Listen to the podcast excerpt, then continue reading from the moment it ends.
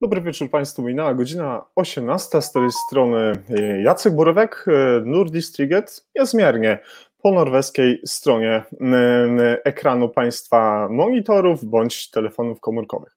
I oczywiście, jak zwykle na samym początku, bardzo chciałbym podziękować wszystkim, którzy udostępnili dzisiaj informacje o naszym wydarzeniu, e, skomentowali również.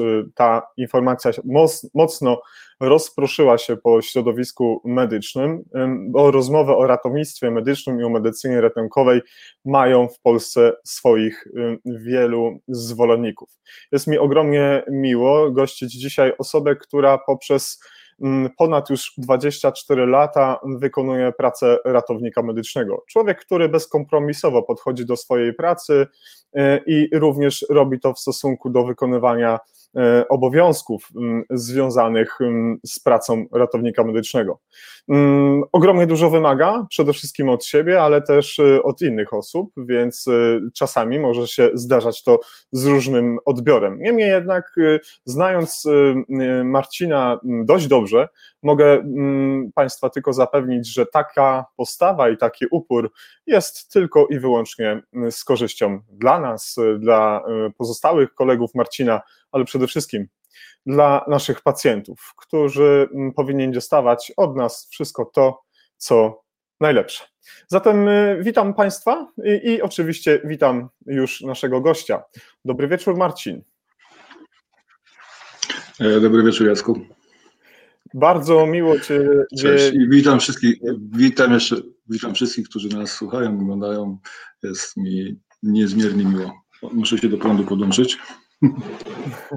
Podłą, pod, podłącz się Marcinie do prądu. Cieszę się bardzo, że y, dzisiaj do nas dotarłeś. Mm, wiem, że od pewnego czasu y, ilość, twoja, ilość Twoich obowiązków jest y, nieco większa niż było to wcześniej, ale zanim. Już jestem, przepraszam bardzo.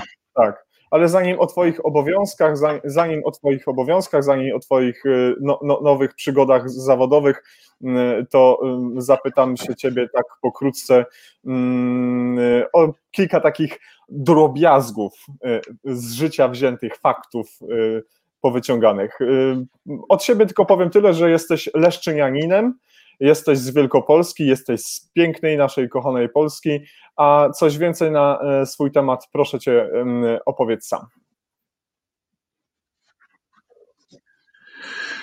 No tak jak już Jasku powiedziałeś, e, mieszkam w Lesznie, pracuję w tej chwili w Lesznie, w Wojewódzkim Szpitalu e, Zespolonym. E, wcześniej 22 lata przepracowałem w Szpitalu Powiatowym w Rawiczu. Mały epizod w Szpitalu Powiatowym w Gostyniu, czyli wszystko w zasadzie w województwie leszczyńskim, tak jak powiedziałeś, w Wielkopolsce, mm, na Nizinie. Także w medycynie przeszpitalnej przepracowałem w takiej medycynie powiatowej. W tej chwili mogę powiedzieć, że troszeczkę w aglomeracyjnej pracuję, bo w mieście byłem wojewódzkim. Eee, I tak, prawda, 24 lata pracuję jako ratownik medyczny, także taki dinozaur troszkę ze mnie. Marcin, na, na, na, yy, na, na co dzień Leszno, ale ja wiem, że była, był duży, nawet nie epizod, ale wielką część swojego zawodowego życia Mm, spędziłeś w mieście niedaleko mm, Leszna, to miasto to e, Rawicz, tak? Tak, tam e, w Rawiczu w 96 roku skończyłem szkołę, było to medyczne studium zawodowe i po skończeniu zaproponowano mi pracę w tamtejszym szpitalu, który później został szpitalem powiatowym, także e, różne perturbacje przechodziłem z tym szpitalem E, związane, e, zatrzymałem pracę w Białym Kitlu i jeździłem dużym, dużym Fiatem Polonezem, a karetką e, resuscytacyjną była Neska. Także to było bardzo dawno czas wszystkim amatorom dzisiejszego te, dzisiejszych zagadnień, dzisiejszych tematów, tej najmłodszej części naszego medycznego środowiska, możemy tylko powiedzieć, że tak, rzeczywiście, ja na Fiatach nie jeździłem, ale na Poloneza się jeszcze załapałem. I, i, i powiedz mi, oprócz Fiatów, jakiś tam jeszcze skansen mobilny, pamiętasz? Ja pamiętam jeszcze ze zdjęć, którzy koledzy opowiadali o Warszawach. Warszawa nie, to już nie ten, nie ten rocznik mojej pracy, ale to starzy e, sanitariusze to opowiadali o Warszawach. Ja, duży Fiat, Polones i Nyska, kilka dyżurów na Nysce niezapomnianych zimową porą. To, to jest niepowtarzalne, bezcenne doświadczenie. Tak, y, twoje westchnięcie było wymowne. Ach. Tak, no bo wiesz, praca, praca polegała na tym, to było wszystko rodęgowa, do i jeść, bez względu na to, czy to był zespół resuscytacyjny, czy to był zespół z lekarzem wyjazdowym. No, niewiele dało się zrobić w tych karetkach, nawet w zespole resuscytacyjnym. Już nie pamiętam nazwy defibrylatora, ale on e, nigdy nie był z niej wyciągany. Taki był duży i ciężki. E, no, wiele się zmieniło od tamtego czasu. E, nie wspominam jakoś z rozżywieniem, no bo idziemy do przodu, rozwijamy się i medycyna ratunkowa się rozwija. E, wtedy to było pogotowie ratunkowe, rządziło się swoimi prawami, a w tej chwili mamy prężnie rozwijającą się dziedzinę medyczną, jaką jest ratownictwo medyczne. Myślę, że trzeba odciąć to wszystko taką grubą kreską, jak to kiedyś ktoś mądry powiedział. Będziemy dzisiaj na ten temat rozmawiać, na, na temat takiej merytoryki zawodowej naszej mm, i tych pytań y, z obszarów tobie znajomych y, będzie sporo. Obszary wiesz, pytań nie dostałeś, tak więc jak zwykle y, wy, wy, No właśnie, właśnie. To było bardzo niefajne ale ty nie jest, wiesz, no, mamy w Polsce ludzi, którzy dostają wszelkie pytania wcześniej do, w trakcie rozmów, ale ty do takich tak. nie, jest, nie należysz. Y, drogą wstępu jeszcze na początek chciałbym mm, wszystkich przywitać, którzy są już dzisiaj z nami na y, naszym y, wydarzeniu live, na naszym kanale Nurdish Triget. Są z nami już, jest Magda, jest Marek, jest, jest, jest Halinka. Serdecznie Was wszystkich pozdrawiamy. Cieszę się bardzo, że zajrzeliście dzisiaj do nas, bo postaramy się, żeby było ciekawie. To znaczy, ja się postaram, żeby było na, na, na tyle ciekawie, żeby Marcin otrzymał pytania, a już w jego y, y, sile y, sprawczej będzie zależało, czy będzie bardzo merytorycznie. Będzie, będzie. Musi być na pewno. Marcin, powiedz mi proszę, w sumie dałeś rozpoczęcie do pierwszego pytania. Kiedy obserwujesz ratownictwo z z takiej perspektywy 24 lat, gdybyś miał kilka rzeczy wymienić, które najbardziej się zmieniły, co to takiego będzie? No co tutaj, no, no samochody się zmieniły. Samochody się zmieniły, wyposażenie się zmieniło, e, sposoby ratowania drugiego człowieka się zmieniły. E, co by tu jeszcze powiedzieć? Ubiór się zmienił e, z białych e, fartuchów, które miałem aż dwa na stanie. E, no przeszliśmy w e, specjalne odzieże, specjalne w końcu, w końcu stajemy się profesjonalistami, chociażby pod względem ubioru. Tak mi się wydaje.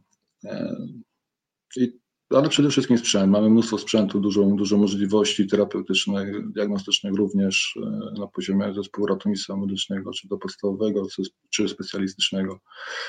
20 lat temu to no powiem tak, redka to zabierała w zasadzie noszę i dużą torbę, którą każdy z e, moich kolegów posiadał na wyposażeniu, która była wyposażona w e, leki, strzykawki, rękawiczki, nie nitrylowe, tylko lateksowe.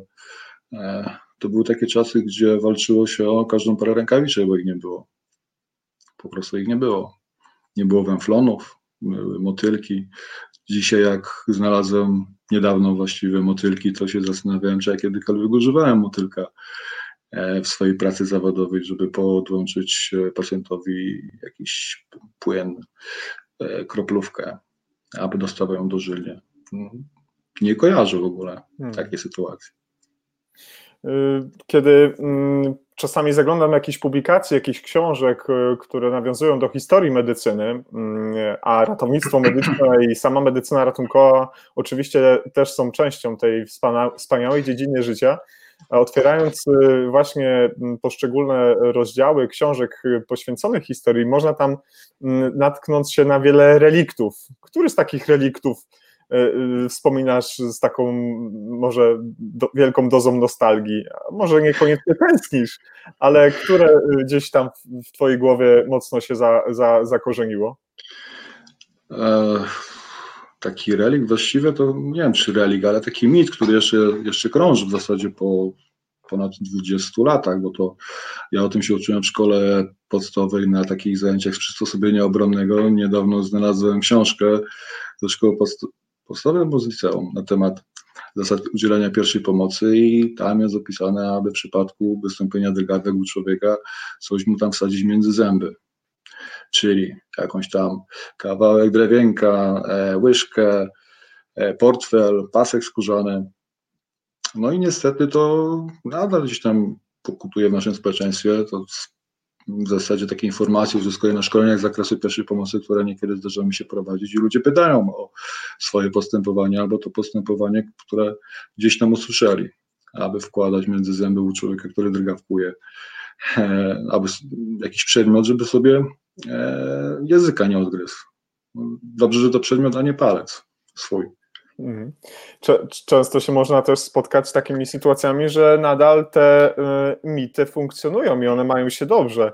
Mhm. Ale to jest chyba też związane z tym, że jeżeli raz w życiu przeszliśmy jakiś kurs pierwszej pomocy, to za chwilkę nam się wydaje, że za 24 lata ta wiedza tak. i umiejętności będą takie same. A jak to jest z tym? Czy tak rzeczywiście jest? Czy to jest takie never ending story, niezmieniająca się y,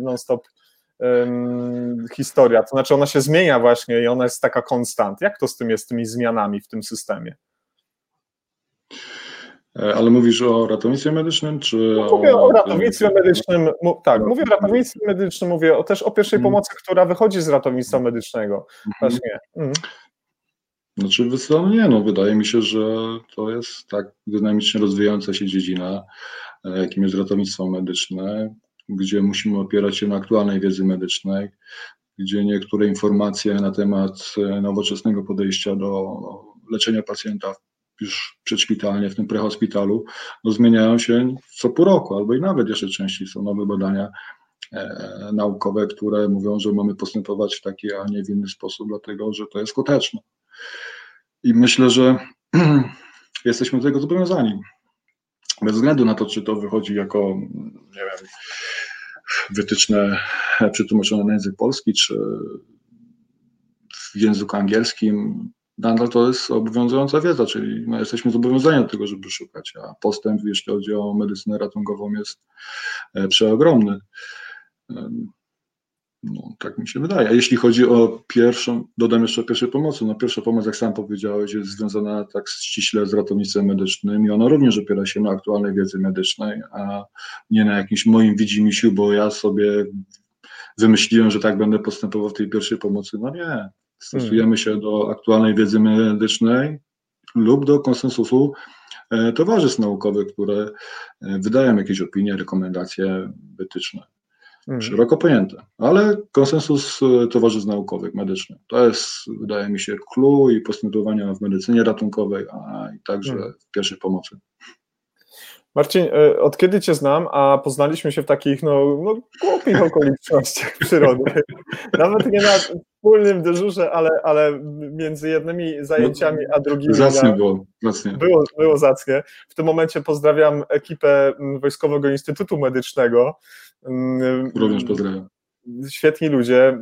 Ja nie wiem, ile z tych osób, y, y, kiedy my żeśmy tam byli po raz pierwszy, jest tam nadal, ale jeżeli słuchają nas dzisiaj Mm, takie osoby jak na przykład Kasia, to serdecznie pozdrawiamy, mm, bo wtedy byli, wtedy żeśmy się poznali na jednym z kursów, na jednym z mhm. takich ważnych, ważnych spraw związanych z ratownictwem medycznym, z medycyną ratunkową. I przegadaliśmy setki godzin, może już idzie w tysiącach y, o, o, o wszystkich takich bolączkach związanych i z systemem, i poza systemem, i dzieliśmy się swoimi doświadczeniami. I może nie od tego samego początku, ale gdzieś w jakimś momencie zaczynamy zaczynałeś, zacząłeś używać takiego stwierdzenia, takiego chyba, może nie chcę użyć, że stało się twoim motto zawodowym, może nawet nie życiowym, ale jednak używasz stwierdzenia, które, y, które, którego nas uczysz, nas, czyli twoich kolegów, twojej koleżanki, ale też pokazujesz y, to bardzo głośno i bardzo mocno. Kropla drąży skałę. To jest temat dzisiejszego, znaczy jakby mhm. motto naszego spotkania, ale za tym się kryje bardzo dużo. I od tego zacznijmy tak naprawdę. Co to według Ciebie znaczy? Tak. To jest, to jest, ciąg, to jest ciągłe poszukiwanie nowych rzeczy. Tak mi się wydaje. A pomysł zrodził się, właściwie na to hasło, hasło takie jest powiedzenie, zrodził się właśnie w Wojskowym Instytucie, Instytucie Medycznym na ze szkoleń, na których również brałeś, w których również brałeś udział, gdzie mówiono o tym, że to właśnie od nas na dole zależy zmiana e, systemu, czyli to spojrzenie nowoczesnym okiem na ratownictwo medyczne. Nie biadolenie, że jest źle, że nic nie możemy, że się nie da, w cudzysłowie się nie da. E, no bo można pewne rzeczy zmienić i to od nas zależy. Jeśli będziemy oparci, jeśli będziemy pokazywali, że coś można zrobić inaczej, lepiej, praktyczniej, no to jeszcze podążymy trochę e, w tym ratownictwie, e, co się nie wszystkim podoba, prawda? Jak mhm. drążymy i chodzimy i marudzimy, że można, że możemy zrobić jakąś procedurę w taki sposób, albo w taki, bo tak się robi na świecie, albo na ostatnim kursie pokazywali chłopacy z mega doświadczeniem, że pewne rzeczy musimy zmienić, bo są mało skuteczne, mało praktyczne. No i trzeba chodzić i marudzić swoim przełożonym bezpośrednim i może tym wyżej, jak wspinać się po drabinie, po drabinie zależności służbowej, drogi służbowej i dochodzić do tego celu. I to jest właśnie ta kropla, która drąży. No, Wydaje mi się, że w niektórych sytuacjach mi się udało. Nie wszystko, ale pod tym względem jestem cierpliwy, marudny. To też nie wszystkim się kolegom podoba albo koleżankom e, to takie marudzenie, e, no bo ja się nie mogę zgodzić z jedną rzeczą, że jeśli coś 20 lat funkcjonowało, to po co to zmieniać? No otóż nie. Jeśli coś 20 lat skutkowało, a ktoś e, wymyślił, opracował nowe postępowanie, no to trzeba to robić, skoro jest skuteczne. To tak mocno nawiązuje tak do tego, mocno to nawiązuje do tego, co powiedziałeś. Skoro to było 20 lat temu wymyślone, to już może czas, żeby pewne rzeczy wykonywać inaczej, może je w ogóle zastąpić, może też zmienić e, mhm. kolosalnie.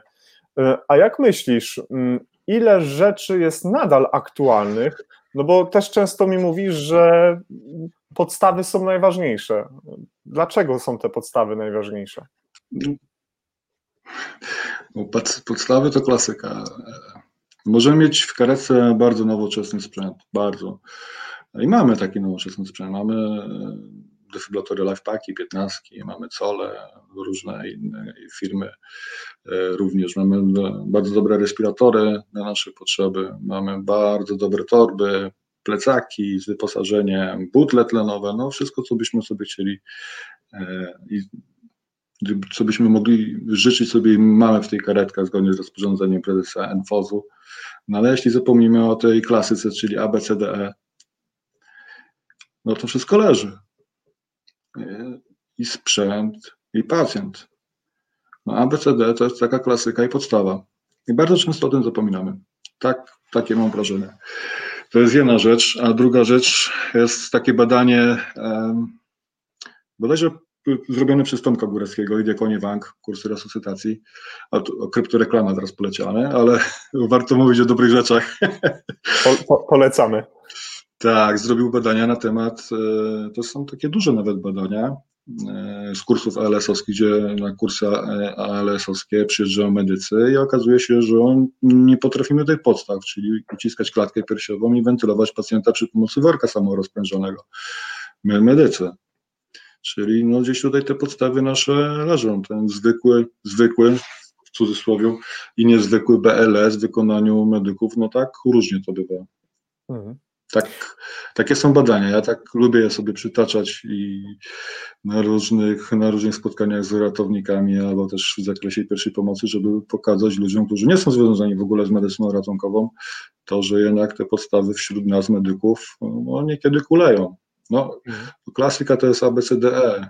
Jak to gdzieś tam w jednej książce przeczytałem, e, pacjent zatrzymuje się w tym złym, magicznym miejscu na podjeździe do SOR.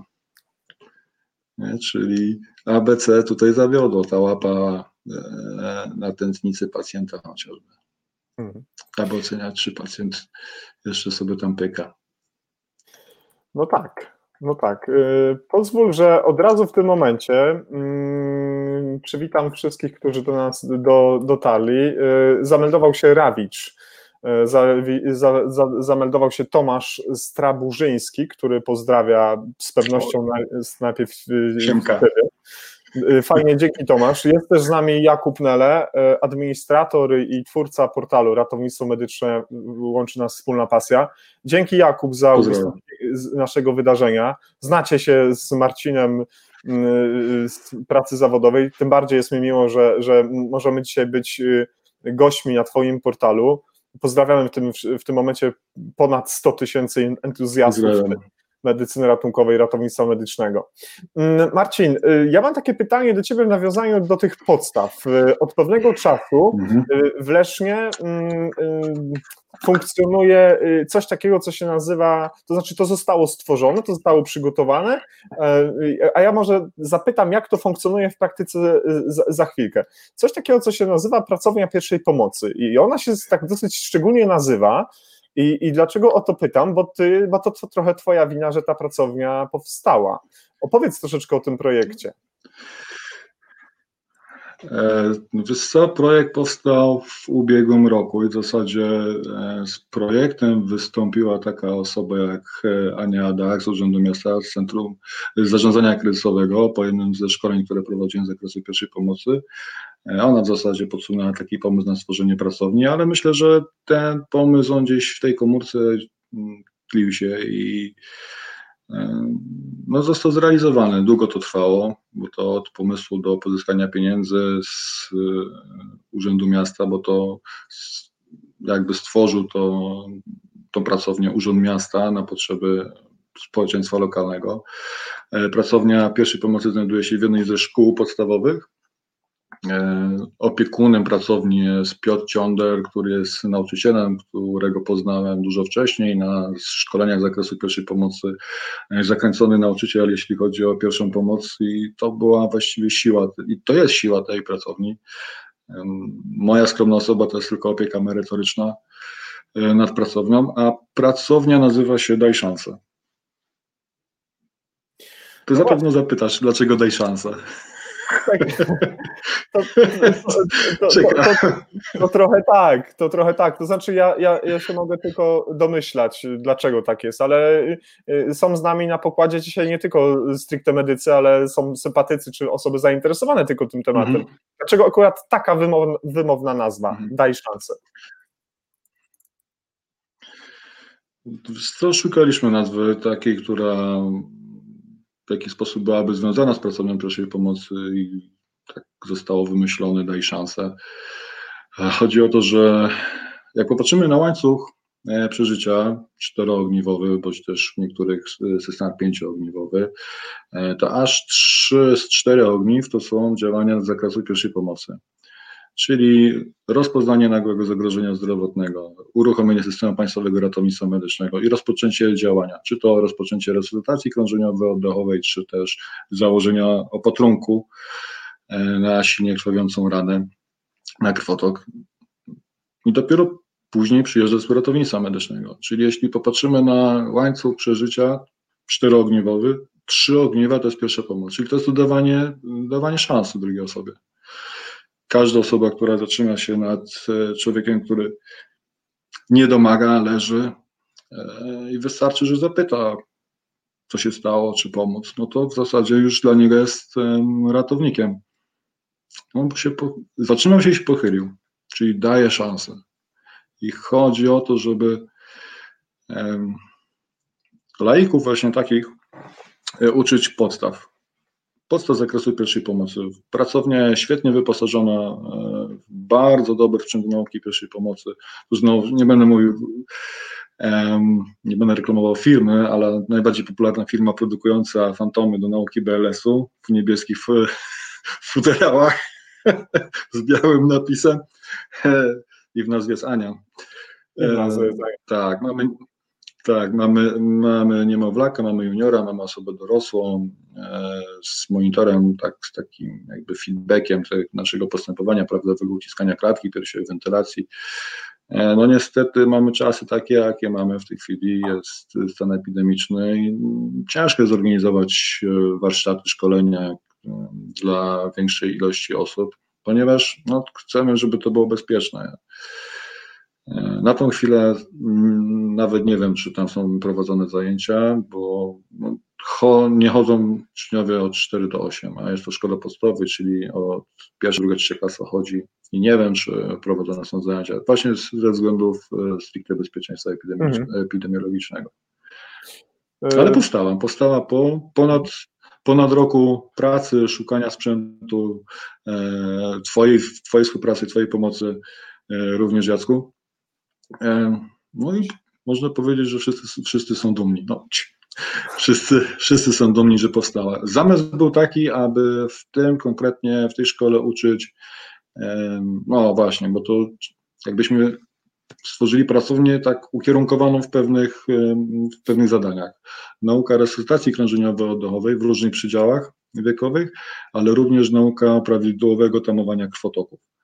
E, jest symulator e, krwawiącej rany do zaopatrzenia, mamy sztuczną krew, także takie trochę wypasiona jest ta pracownia. Jakby te w dwóch kierunkach idziemy. O Nagłe zatrzymanie krążenia i rozpoznanie rozpoczęcia RKO i e, rozpoznanie krwotoku, który zagraża życiu i poprawne jego zaopatrzenie. Dlatego, że ja tak sobie wymyśliłem, długo mówię chyba, nie? Co, za długo? Mogę mówić dalej? No, wytnę cię w pewnym momencie, ale dokończ myśl, a ja przejdę do, do, do, do Dobrze, dokończę myśl, tak. dokończę myśl. Mam takie wrażenie, że mamy... Dobrze. Mam, mam, taką, mam takie wrażenie, że jakby mamy za, zachwianą proporcję pomiędzy nauką resuscytacji krążeniowo-oddechowej i rozpoznania nagłego zatrzymania krążenia, a nauką poprawnego tamowania masywnych krwotoków. Mhm. Jak znowu popatrzymy sobie na statystykę, to bardzo dużo mamy mm, jakichś ran do zaopatrzenia i tak różnie to bywa. Nie wiem jak e, w Norwegii e, ludzie są wyszkoleni, ale w Polsce to z tym tak różnie bywa. A tu można zacząć już naukę od małych dzieciaczków. Hmm. Za, za, o doświadczenia Państwa. E, e, podzielcie się trochę e, w tej kwestii z nami w komentarzach, nasi wszyscy widzowie. Kto ma doświadczenia w tych kwestiach, to proszę, żeby napisał. Jest dzisiaj z nami, z nami Marek Wojewoda. E, ponownie znalazł dla nas czas, to jest bardzo miłe. I Marek napisał taki swój komentarz odnośnie kropla drąży skałę. E, w tym, ten komentarz wklejam po prostu na, na, na nasz, e, naszą wizję. Kropla drążąca skałę to według mnie także Wasze szkolenia. Kilka godzin na szkoleniach i już można działać i pomagać. Kilka kropel pobrał pobrał Marek od, od fajnych instruktorów i wie, co mówi. Uczycie nas cywilów, y, wtedy czujemy się pewnie, wiemy, jak się zachować i nie boimy się tej wiedzy użyć. Szkolenia, szkolenia i jeszcze raz szkolenia, najlepiej zainwestowany czas. To taki komentarz na gorąco od Marka, za którego bardzo dziękujemy, a mhm. nie dodałem na samym początku, że Marcin Gbiorczyk jest w mojej ocenie jednym z najlepszych instruktorów pierwszej pomocy w Polsce, a widziałem ich wielu, a w akcji Marcina widziałem i uważam, że robota, jaką wykonuje, jest bardzo fajna. Mówię to nie dlatego, żeby ci bardzo mocno sprawić przyjemność, ale podkreślić pewien profesjonalizm, który przez 24 lata został przez ciebie zdobyty i, i, i traktuj to jako ukłon w, moim, w twoim kierunku ode mnie i od ludzi, którzy na tych twoich szkoleniach są. A, dziękuję. Bardzo proszę. Jest dziękuję, dziękuję. Jest z nami też Mariusz Wolny. Witam, witam i dziękuję za pomoc. Y, jest Zbigniew Faryniarz, y, witam z kwarantanny. Y, cieszę się panie z, no, z, Zbigniewie. Mm, I, aha, pan napisał, że. Życzę, że, życzę zdrowia. Chyba zbyt dużo ludzi włącza i nagrywa. Gdzieś tam coś przecina nam rozmowę. Postaramy się jakoś tam zajrzeć w techniczne sprawy. Jakub napisał odnośnie mhm. Stop Bleeding, odnośnie tego protokołu, o którym ty powiedziałeś, czy o takiej procedurze. Y, mo, mhm. może dla wszystkich mhm. laików Marcin rozwiń, co napisał y, Jakub, bo, bo wiemy, że dzisiaj w trakcie rozmowy są nie tylko specjaliści. Ja tu sobie Jasne, no tutaj to jest bardzo fajne hasło. Maj jest takim miesiącem e, w Stanach Zjednoczonych, jeśli chodzi o naukę poprawnego tamowania krwotoków. Mam nadzieję, że możemy to troszeczkę zaimplementować też w naszym kraju. E, stop krwawieniom, zatrzymaj krwawienie, schemat CABC to jest taki bardzo, mm, bardzo dobry schemat postępowania. C jako control, control bleeding, zatrzymaj, kontroluj krwawienie a dopiero potem przejść do oceny e, dalszej, czyli drożności dróg oddechowych, sprawdzić oddychanie. Jak pacjent oddycha, jest zatamowany krwotok, to prawdopodobnie serce jako pompa pracuje jeszcze. E, bardzo prosty schemat e, dotyczy w szczególności, wydaje mi się, pacjentów, którzy doznali jakiegoś urazu, jakiejś traumy, byśmy najpierw sprawdzili, czy oni nie krwawią, nie krwawią z kończyn, nie krwawią z innych okolic swojego ciała. Problem zawsze jest dla nas i to jest w pierwszej pomocy i w zespole ratownictwa medycznego e, bardzo duży problem i e, trudny do rozwiązania niekiedy, dlatego że jeśli mamy krwawienie wewnętrzne, no to my tutaj ani w pierwszej pomocy, ani przedszpitalnie jako zespół ratownictwa medycznego niewiele zdziałamy, niewiele poradzimy. E, no, pacjent musi znaleźć się na stole operacyjnym i musi, powiem tak kolokwialnie, chirurg do niego zajrzeć. Mm. A powiedz mi proszę, e, taki komentarz Nie, pojawił chyba dobrze, się. Chyba dobrze rozwinąłem ten skrót. Bardzo dobrze. Ja jestem dzisiaj od roboty mhm. dziennikarskiej. Ty się tutaj musisz sprzedać merytorycznie, a to wiesz, że zawsze koledzy, koleżanki i koledzy będą dobrze. czuwać. Tak egzamin merytoryką wypowiedzi.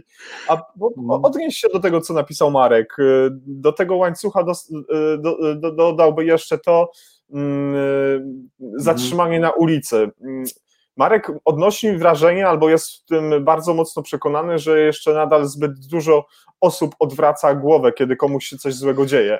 Jak to wytłumaczyć? Jaka jest tego geneza? W jaki sposób możemy się do tego odnieść? Znaczy, wydaje mi się, też masz pewne takie doświadczenie i z ludźmi, z lekami, z którymi się spotykamy na szkoleniach z zakresu pierwszej pomocy, no to bardzo często mówią o tym, że się boją, nie wiedzą, w jaki sposób y, pomagać, udzielać pierwszej pomocy. No i dlatego wolą uniknąć, odwrócić głowę. Niekiedy ja mam takie wrażenie, że my boimy się tych pacjentów leżących gdzieś tam. Nie zawsze oni są przecież czyści, nie zawsze oni są dobrze ubrani, niekiedy to są osoby z pogranicza społeczeństwa. Ja podam taki prosty przykład, jeszcze z pracy w, w Rawiczu. Mieliśmy pacjenta, który bardzo często e, znaczy chorował na cukrzycę, e, przyjmował insulinę. I bardzo często po przyjęciu insuliny on nie dojadał, nie spożywał e, żadnego posiłku i wychodził do pracy fizycznej. No i nie dochodził do tej pracy, padał gdzieś tam, drgawkował, E, no i wszyscy go mieli e, za taką osobę, która bardzo dużo nadużywa alkoholu ze względu na to, że pojawiły się drgawki. A drgawki pojawiły się dlatego, że przy, podczas badania, gdy przyjeżdżaliśmy jako zespół ratownictwa medycznego, to poziom e, glikemii był nieoznaczalny na naszym glukometrze. Czyli bardzo łatwo jest zaszufladkować kogoś do pewnej grupy społecznej no, i odwrócić głowę, bo to mnie nie dotyczy. Ale wydaje mi się, że bardziej ludzie się boją udzielać pomocy, szczególnie starsi.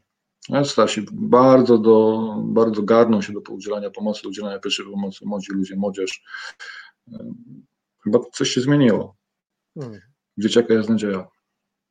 Y, użyłeś słowa, które może nie też wszyscy y, będą rozumieć, czy, czy, czy kojarzyć y, glikemia, czyli, czyli jakby wysycenie naszego organizmu, tak prosto mówiąc, czy jesteśmy wystarczająco słodcy, żeby funkcjonować, czy tego mm. cukru w naszym organizmie mamy dużo. Tak. Musimy, musimy, drodzy, pamiętać, Państwo, pamiętać, że jak tego cukru trochę w tym naszym organizmie jest bardzo za mało, krytycznie za mało, to w pewnym momencie przestajemy funkcjonować i możemy zostać właśnie potraktowani przez ludzi, tak jak Marcin przed powiedział, że on nagle nagle y, czegoś żeśmy tam za dużo przyjęli i, i, i na własne życzenie jesteśmy sobie temu winni. Ale tak nie jest. Y, ale to wszystko na kursach mhm. pierwszej pomocy i w tym momencie zapraszam wszystkich do tego, by pomimo y, obostrzeń koronawirusa, COVID-19 uczyć się, zgłębiać wiedzę, korzystać z takich miejsc, na przykład jak portal Jakuba, na przykład jak, jak wszelkiego rodzaju konferencje, wideo, rozmowy, na przykład tak jak dzisiaj, żebyśmy jeszcze bardziej mocno podkreślili, bardziej bardziej mocniej podkreślili to, że ta pierwsza pomoc jest ważna. Mm, mhm. Jakub napisał, że tak, że pięknie, żeś to zreferował, bardzo się cieszymy, dziękujemy bardzo. Dziękuję. Jest też komentarz od naszej Magdaleny, pozdrawiam Cię Magdaleno bardzo serdecznie. Mm, Magdalena tak po prostu wprost powiedziała, czy napisała, a tak poprawdzie czasami człowiek sam sobie no dobrze jest, plastra. Mhm, to jest bardzo dobre, fajne. Mhm. Stąd ta autorefleksja, tak? Znaczy, wiesz co, to jest bardzo fajne zagadnienie, dlatego że w pewnym okresie swojego życia, gdzie wtedy, kiedy moje dzieci chodziły do przedszkola, to prowadziłem z racji tego, że chodziły do przedszkola. Ja byłem, jestem ratownikiem medycznym, zostałem poproszony kilka razy na zajęcia e, w lecznickich przedszkolach i prowadziłem zajęcia z tamowania ran dla dzieciaków. I ta, to szkolenie polegało tylko i wyłącznie na tym, że dzieciaki musiały nakleić plaster drugiemu koledze, koleżance. E, no i to jest taka nauka. 5-6-latki robiły takie rzeczy. Szkolenie trwało 20 minut, a frajdy było na cały dzień dla tych dzieciaków. Powiem więcej, bo każdy dzieciak miał zrobioną kropelkę czerwoną, czerwonej farby na dłoni albo gdzieś na, na przedramieniu i trzeba było zaopatrzyć, czyli udzielić pierwszej pomocy temu koledze. Każdy, każdy przedszkolak miał kawałek plasta i musiał to zrobić. I jeśli będziemy użyć od podstaw, e, no to mm, poszerzamy jakby świadomość społeczną, bo te dzieciaki będą rosły i przykleją ten plaster babci. Hmm. Nie, nie, będzie taka potrzeba. Nie będą się bały, bo coś znają. Zazwyczaj boimy się czegoś, czego nie znamy. Ja matmy nie znam, więc się hmm. strasznie jej mocno boję. Magdalena, no Magdalena dopisała, bo my starsi po prostu tego nie potrafimy. Boimy się, choć empatii jest bardzo dużo. Ale pomóc można wzywając y, y, medyków, być czujnym to też jest element pierwszej pomocy, bo właśnie takich podstaw, o, których, o które pytałem na samym początku Marcina, dowiadujemy się na kursach pierwszej pomocy. I nie trzeba od razu przechodzić bardzo mocno zaawansowanych procesów edukacyjnych, używając takiego skomplikowanego języka, ale można przejść to właśnie w paręnaście minut, parę dziesięć minut y, i, i można czuć się bezpieczniej i można mieć też chyba ogromną satysfakcję. Co to znaczy mieć satysfakcję z uratowanego życia człowieka, Marcin? O. No to jest no trudne pytanie to jest. To jest. Wydaje mi się, że to jest bardzo trudne pytanie, co, jaka to jest satysfakcja. No jest mega kop. To jest mega, mega kop taki e, emocjonalny, mentalny, e, dający jakby dodatkową energię do tego, że to wszystko to, co robimy, ma sens. Hmm. No to jest mega, mega duża satysfakcja. Myślę, że w odczuciu każdego e, ratownika, który pracuje, lekarza, pielęgniarki i jeśli chodzi o medycynę, bo jeśli chodzi o pierwszą pomoc, no to tak samo to jest wielki, wielka satysfakcja, jeśli e, uratuje się komuś życie. O tym no, mówi telewizja, mówią media, że dzieciaki, ktoś tam uratował, uratował życie. No tak, no to jest, to jest właśnie ten łańcuch przeżycia, czyli reakcja. Gdy nie, gdyby nie było reakcji w tych trzech ogniwach, no to jeśli przejdzie do ratownictwa medycznego i byśmy mieli jak najbardziej, jak najlepiej wyposażone karetkę, ambulans, no to niekiedy niewiele już możemy zrobić jeśli świadkowie zdarzenia, e, laicy nie podjęli działań, nie rozpoznali nagłego zatrzymania krążenia, nie rozpoczęli uciskania klatki piersiowej, nie zastosowali automatycznego defibrylatora zewnętrznego. A jeśli pacjent krwawił, to jeśli nie zastosowali e, opatrunku uciskowego, nie zastosowali opaski uciskowej, jeśli była taka możliwość, posiadali, e, gdy nie zatrzymali tego krwawienia, no to my jako zespół ratownictwa medycznego bardzo często niewiele mamy już tutaj tak brzydko powiem, do roboty. Hmm. No pacjent umrze, no, nie jesteśmy w stanie wszystkich uratować. E, ja myślę, jeszcze wrócę do tamtej e, pani wypowiedzi, bodajże pani Magdaleny od, odnośnie naszego wzywania. No, mamy czasy takie, jakie mamy w tej chwili. No, nas jest mało. No i czasy oczekiwania na przyjazd zespołu ratownictwa medycznego są w tej chwili wydłużone, bardzo długie. Wystarczy poczytać e, informacje w, w, internecie, na Facebooku, na różnych portalach i posłuchać to, co w telewizji mówią o tych naszych czasach dojazdu. No, dużo zależy od państwa, od laików, którzy zareagują. A na kursy oczywiście zapraszam, bo kursy robią dobrą robotę e, po to, żeby przezwyciężyć strach. Nie, ja bać tak się, nie bać się. Pamiętam, jak kiedyś pierwszy raz usłyszałem z Twoich ust, jesteś wysokim facetem, potężnym y, gościem, który powiedział, że często nawet boimy się dotknąć drugiego człowieka, a na kursach pierwszej pomocy y, oswajamy się z tym, żeby dotknąć, naruszyć taką fizyczną barierę mm. z mhm. kimś, żeby dotknąć jego tak. ręki, dotknąć jego brzucha, dotknąć jego głowy, żeby odchylić tą głowę, mm. żeby udrożnić te drogi oddechowe, zobaczyć, czy, czy ten brzuch się mm. porusza, czy ta klatka piersiowa się porusza. I często jest tak, że właśnie wy, instruktorzy nauki pierwszej pomocy, o tym, o tych po, podstawowych rzeczach mówicie i ktoś powie, no ale dobra, ale po co mi to jest to? A to jest chyba często związane z tym, że, że należy o tym powiedzieć, byśmy się pozbyli tego lęku przed y, drugim człowiekiem, bo to tak często chyba jest. Mhm. No tak, bo boimy się dotykać. Jesteśmy wychowani tak, jak, jak jesteśmy wychowani. Jakaś tam bariera społeczna jest.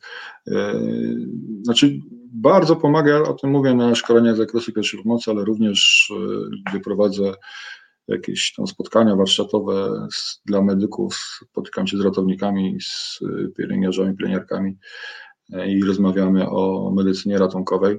No, bardzo fajną e, rzeczą jest, gdy możemy przełamać bariery, to jest pracowanie w rękawiczkach. No, jesteśmy do tego zobowiązani, zabezpieczamy siebie, ale to nam pozwala jakby zachować również dystans pomiędzy sobą, a taki mentalny, psychiczny pomiędzy sobą a e, pacjentem rannym i jest nam łatwiej działać. No, podam taki przykład, jeśli chodzi o pierwszą pomoc. No, jeśli wśród tłumów znajdzie się osoba, która założy rękawiczki, no to wszyscy wiedzą, kto tutaj rządzi a niekoniecznie musi być medykiem.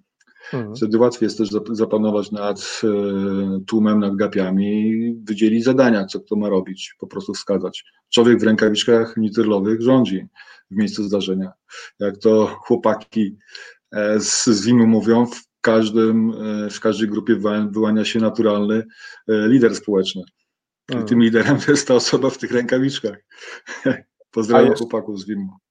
Tak, pozdrawiamy Wojskowy Instytut Medyczny, pozdrawiamy Szpital na Szeserów. Fajni ludzie, fajna ekipa. I, I, teraz w tych czasach, w których żeśmy się teraz wszyscy znaleźli, y, trzymajcie się tam wszyscy mhm. ciepło, zdrowo. Y, a jeszcze do tych rękawic, a jeszcze jak ubierzesz czarne rękawice, oho, to dopiero jest lider. No czarne to, to zawsze można powiedzieć, że hamburgery dzisiaj będą, bo to czarne mi się zawsze kojarzą z hamburgerownią, nie wiem dlaczego ale tak mi się każe. Nie, no jasne, jasna sprawa. No, jak już ktoś wyciąga rękawiczki albo jakąś małą apteczkę, to wiadomo, że jest przygotowany i jakieś pojęcie ma na temat udzielania pierwszej pomocy. Mhm. No bo prawdę powiedziawszy, no to przecież czy ja jestem ratownikiem medycznym, czy lekarzem, czy pielęgniarką, pielęgniarzem, czy kimkolwiek związany z medycyną e, szeroko pojętą, no to w zdarzeniach niepożądanych gdzie nie mam ze sobą karetki, sprzętu, sali, soru, e, no to mam tylko ręce. Jeśli mam apteczkę ze sobą jakąś tam, albo opatrunek w torbie wrzucony gdzieś, no to, to mam tylko to i rękawi, rękawiczki. Chęci rękawiczki i dłonie, no to jest w zasadzie w pierwszej pomocy bardzo istotne, jak nie najważniejsze. Albo powiedziałeś, że masz tylko ręce, e, albo aż ręce. Powiem tobie, że Tutaj dzisiaj mhm. świeci się z nami taka światełko. To taki trochę symbol listopadowy, to taki ukłon do wszystkich mhm. naszych koleżanek i kolegów, których już nie ma, którzy przez y, całe życie swoje pracowali z pacjentami, którzy oddali dużo y, w trakcie swojego krótkiego bądź długiego życia na rzecz ratowania drugiego człowieka. I jedna z naszych takich chyba najstarszych lekarek w szpitalu, z którego się wywodzę i których z tego miejsca pozdrawiam, pani doktor Muzolf zawsze opowiadała, że y, my y, powinniśmy bazować właśnie na, na, na rękach, na tym, co nasze ręce są w stanie znaleźć, wybadać, powinniśmy na tym bazować. To trochę też nawiązuje do tego, że kiedyś mhm. medycyna ratunkowa wyglądała inaczej niż, niż teraz, bo tego sprzętu było innego mniej, a teraz jest tego sprzętu więcej, ale to, co powiedziałeś, tak mi się nasunęło teraz mhm. na, na myśl, że Y, y, y, podstawy są najważniejsze i nawet wynikające z tego, że często nawet po ciemku jesteśmy własnymi rękoma znacznie więcej znaleźć, zbadać niż nam tak. się wydaje. A często mhm. jest tak, że ludzie na, na szkoleniach z pierwszej pomocy mówią, że, że powinniśmy iść bardzo daleko, bardzo głęboko w las, a wiemy, że ta medyczna wiedza jest tak szeroka i tak głęboka, ale bez niej, bez tych podstaw się nie da za bardzo tam poszaleć. No i dobra, i powiem tak, i tym oto sprytnym e, e, akcentem, żeśmy weszli w ten, tę przestrzeń medyczną, taką już wynikającą e, z cyklicznego charakteru naszych spotkań. Mm, jakbyś mógł tak w kilku zdaniach określić różnicę pracy ratownika medycznego w zespołach ratownictwa medycznego i SORze. Kiedy ty jako ratownik, który lata spędził w zespołach, może porównać te dwa miejsca. Dlaczego w Sorze? To zapytam Ciebie za chwilkę, opowiesz o tym za chwilkę, ale jakbyś miał porównać te dwie przestrzenie. No właśnie, dobrze, że to powiedziałeś. E, powiedziałeś bardzo ważne słowo przestrzeń. E, to jest właśnie różnica, dlatego że e, w zespole ratownictwa medycznego jesteśmy ograniczeni przestrzenią pracy przy pacjencie. To jest niekiedy, się nie, nigdy nie wymierzyłem, ale wydaje mi się, że to może być półtora, metr osiemdziesiąt e, kwadratowych, gdzie możemy chodzić wokół noszy, gdzie mamy dostęp do aparatury, do sprzętu, do defibrylatora, do respiratora z pozycji jednej siedzącej. Na przykład wszystko mam w zakresie swoich długich dłoni, długich rąk. A w szpitalnym oddziale ratunkowym no niekoniecznie tak jest. Ja pamiętam mój pierwszy dyżur na, w oddziale ratunkowym, gdzie po 12 godzinach tak mnie nogi bolały, jakbym przynajmniej 30 kilometrów przeszedł. Okazało się, że moje postępowanie było Potem się dowiedziałem od e, jednej z pielęgniarek, że po co tyle chodzę po tym oddziale, bo ja ciągle czegoś zapominałem, jak szedłem do pacjenta, a już były do tego przygotowane, bo sobie naszykowały sprzęt i szły do pacjenta, a ja raz do pacjenta, drugi raz do pacjenta czegoś zapomniałem to jest właśnie różnica. Różnica i komfort pracy w szpitalnym oddziale ratunkowym od zespole ratownictwa medycznego. E, inne środowisko pracy. Tutaj pracujemy w zespole ratownictwa medycznego w zmiennych środowiskach, mm, takich atmosferycznych. Pracujemy i w deszczu, i w śniegu, i w bardzo gorącym e, środowisku. E, a w szpitalnym ratunkowym, no raczej ta temperatura jest stała, na głowę nie pada, przeciągów nie ma, zimno też nie jest, chyba że ktoś stoi pod klimatyzacją, no, która powoduje no, pewne, mm, no, pewne niepożądane rzeczy. Tak. Y, dzisiaj, Ale dzisiaj... Tak samo w Keresce. Tak samo w tak. Keresce. Dzisiaj o tym pisał, o tej klimatyzacji i o staniu pod klimatyzacją y, prowadzący blog Prehospital y, blog. Tak, tak. Y, właśnie o tym, że w, w obecnym czasie mhm. takim w XXI wieku przybywając w szpitalu, jeszcze jak jest gorąco, można się nabawić hipotermii, czyli wychłodzenia. Za, zachęcamy do zaglądania do tych miejsc. Y, Prehospital Blog, bardzo fajne miejsce, bardzo fajna przestrzeń. Pozdra pozdrawiamy. Mm, I dziękujemy za taką organiczną pracę, którą, którą administrator tego bloga robi, bo robi naprawdę kawał dobrej roboty i szacun. No, no taka dobra. wielkopolska organiczna praca podstaw. Mhm. Tak jest. Od tego mm, momentu nie chcę używać słowa kierownik sali kinowej, bo tak nie jest. Marcin, Marcin jest y, ratownikiem. Rozumiem. Ma, ma, Marcin y, y, jest ratownikiem koordynującym w szpitalnym oddziale ratunkowym w Lesznie.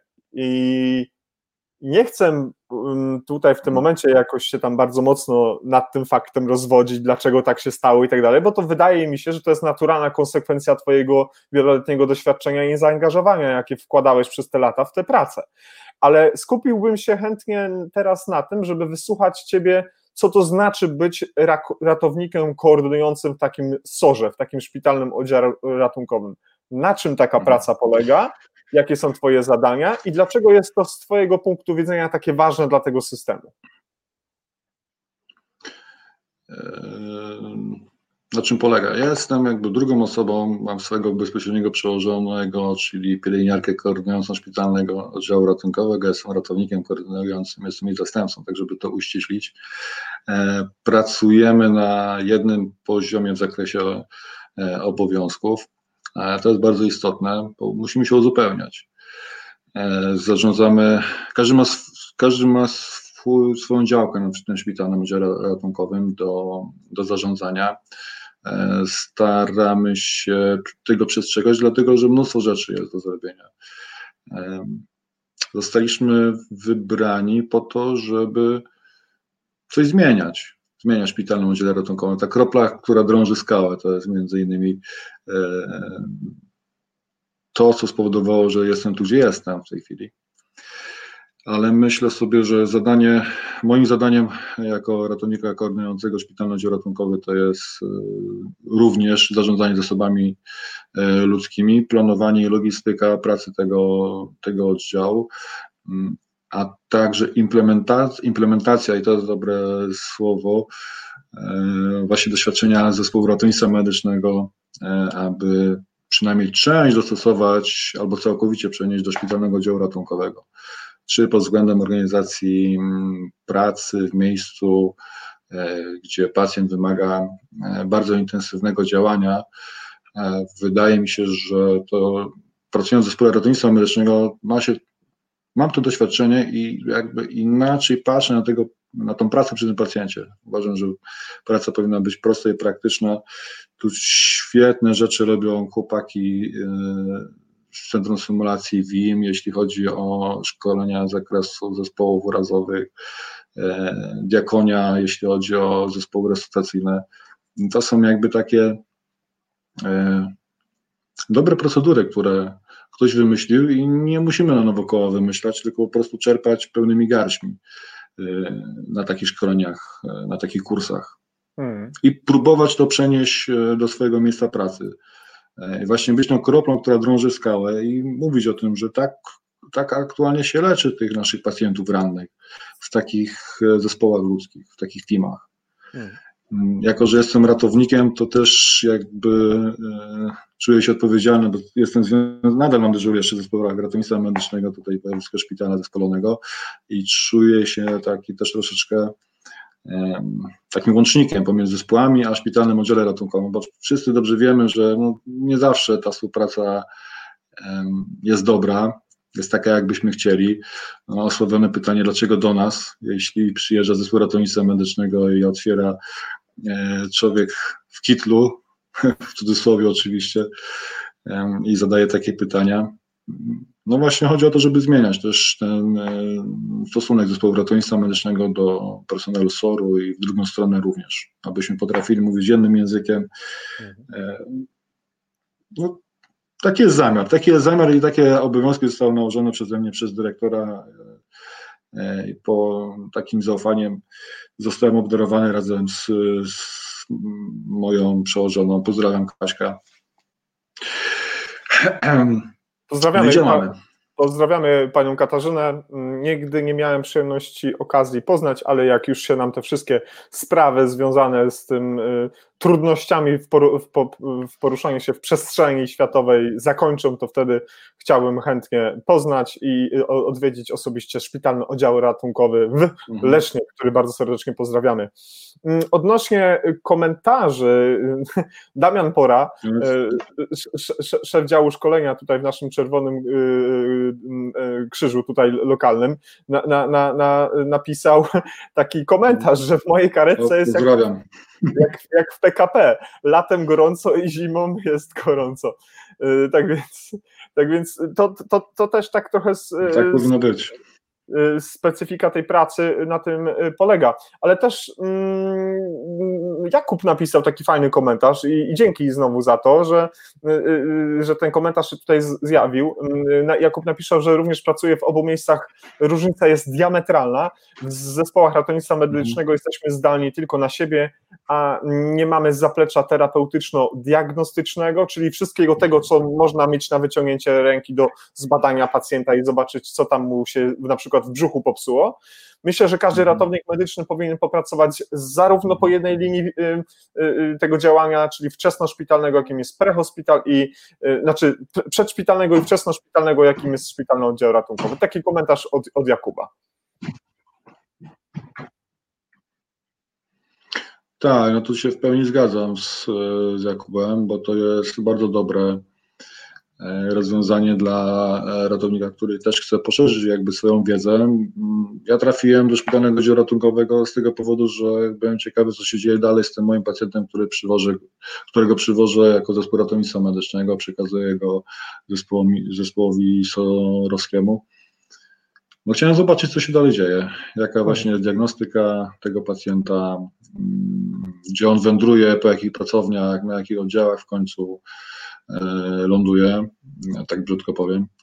I to mnie popchnęło do pracy na, w szpitalnym oddziale ratunkowym i jakoś tak potoczyło się. No, nigdy nie chciałem zerwać e, z medycyną karetkową, e, ale poszerza to, poszerza to wiedzę na temat pacjentów i tego, co im co im się przytrafia, nim trafią w nasze ręce, czyli do medycyny karetkowej, a potem do sorowskiej.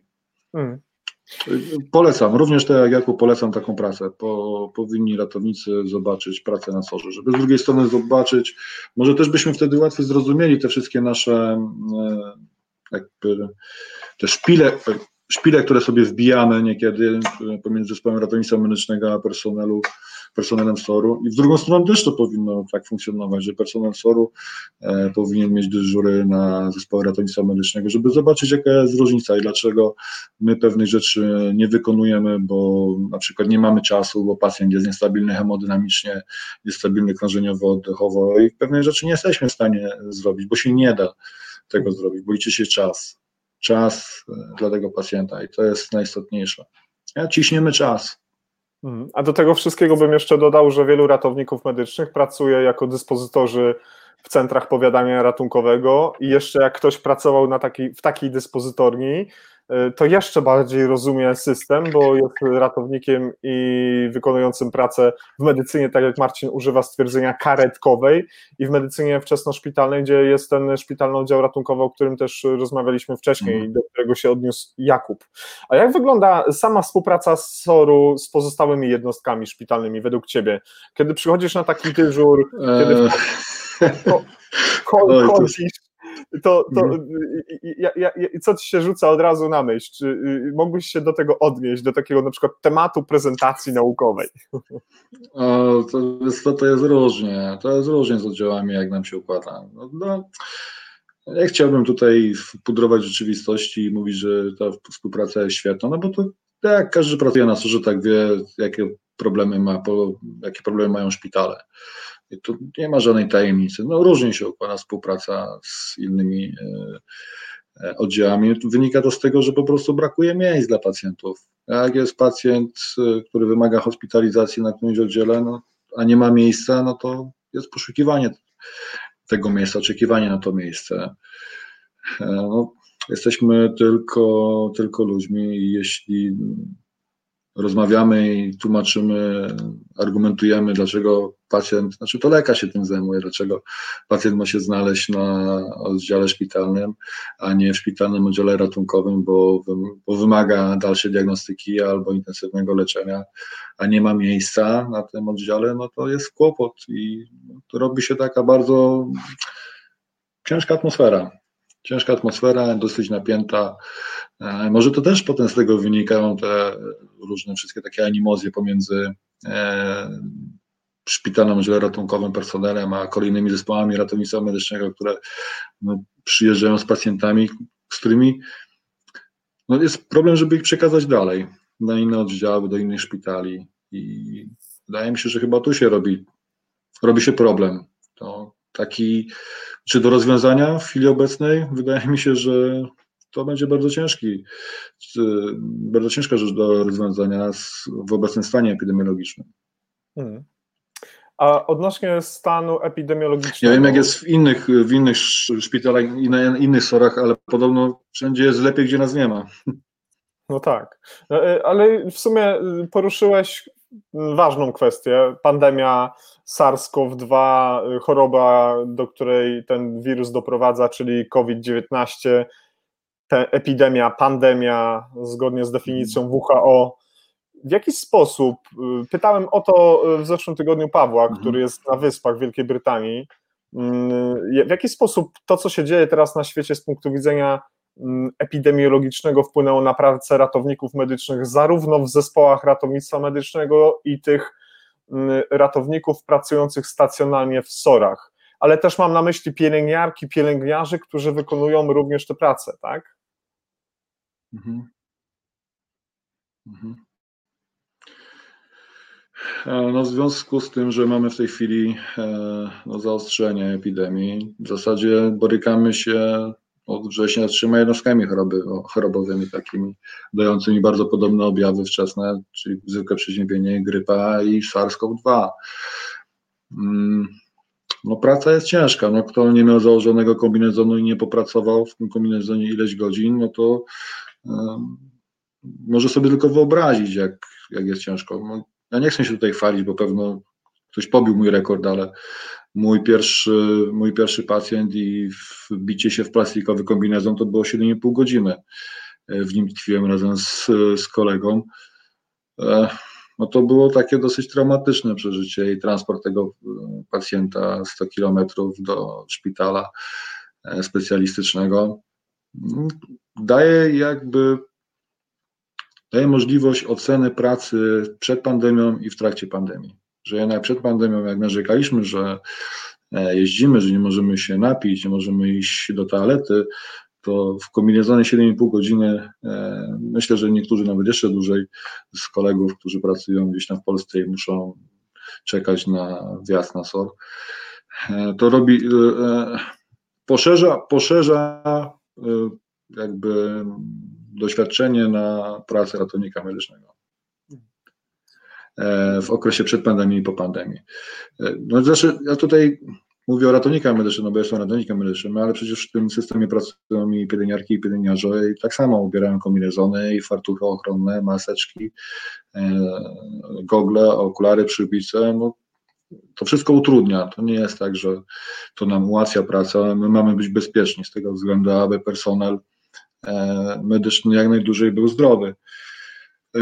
Każde wypadnięcie e, medyka z dyżuru na kwarantannę, no to jest jednego medyka mniej. Hmm.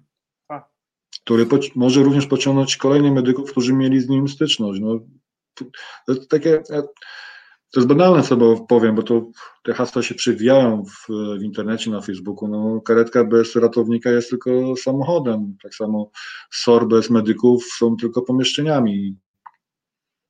Nikt nas nie, nie, nie zastąpi. Możemy mieć super nowoczesny sprzęt, ale ktoś ten sprzęt musi obsługiwać. To są takie mm, pytania, z którymi no, spotykam się codziennie na jakby takim odprawie z moją przełożoną, z Kaśką, gdzie zastanawiamy się, jak to nam wypadnie z dyżuru.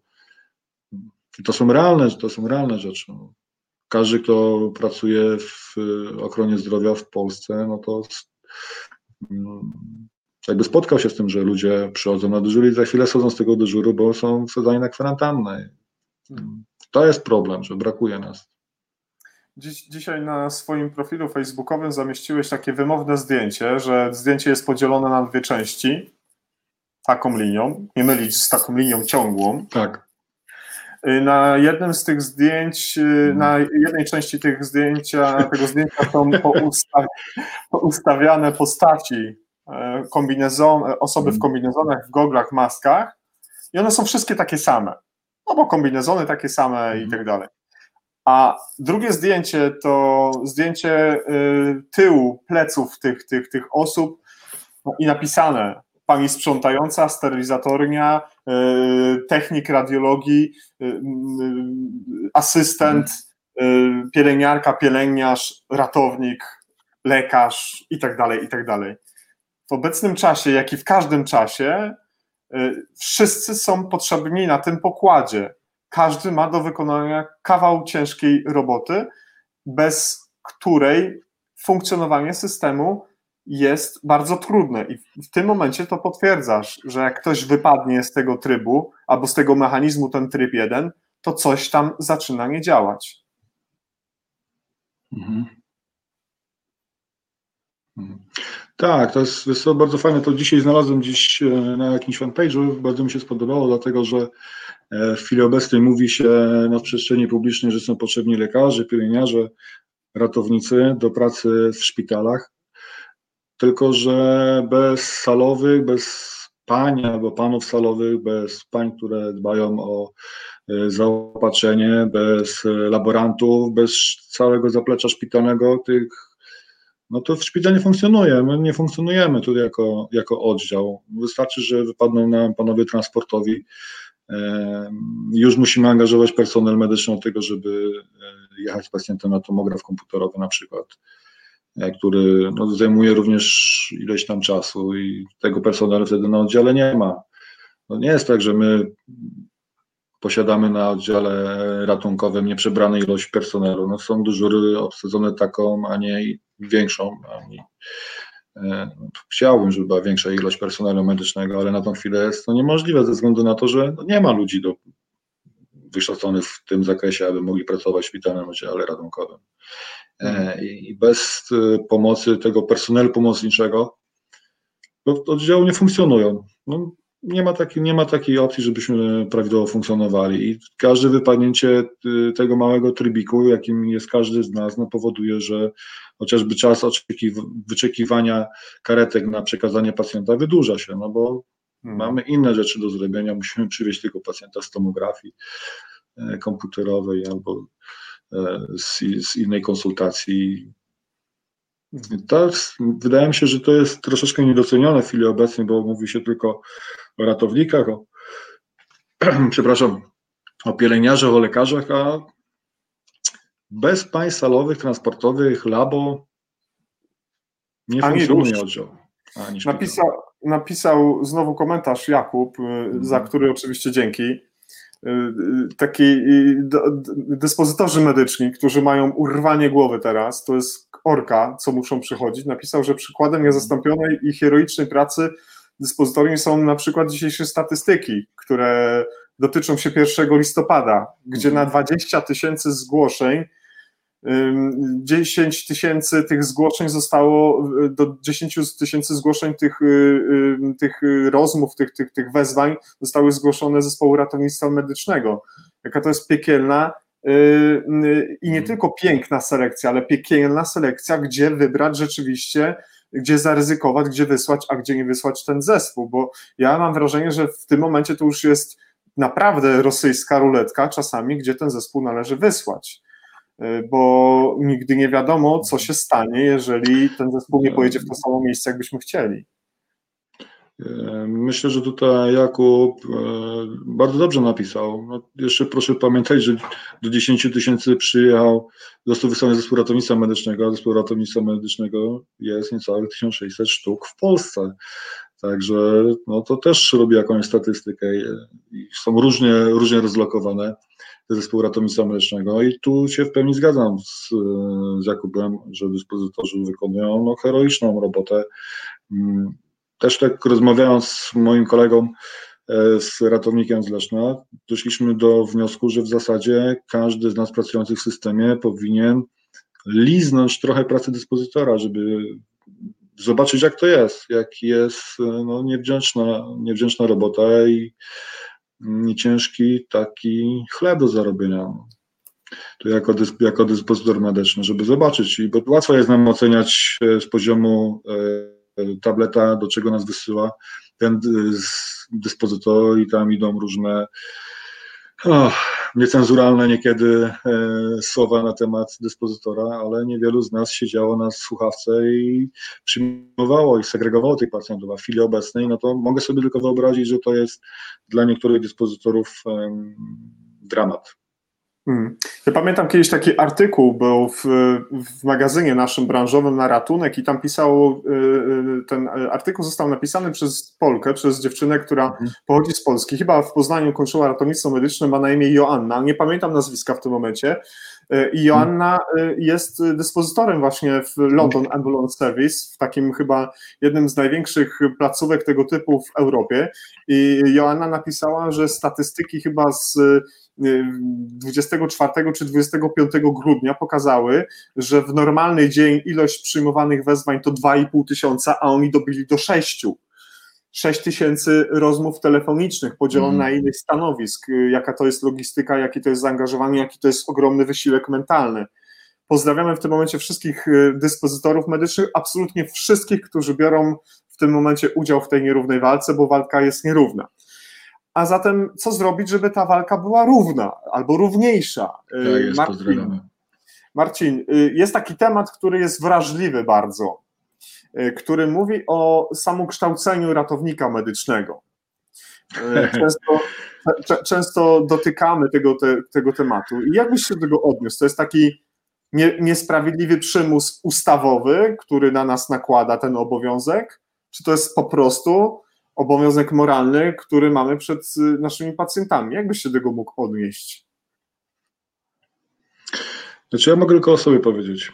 E, w, większ, w 95% kursy, które ukończyłem, e, sam sobie za nie zapłaciłem. Będąc na kontrakcie, e, no w zasadzie w tych tak 95% to ja sobie za nie sam zapłaciłem, ale nie wyobrażam sobie, aby nie podnosić kwalifikacji.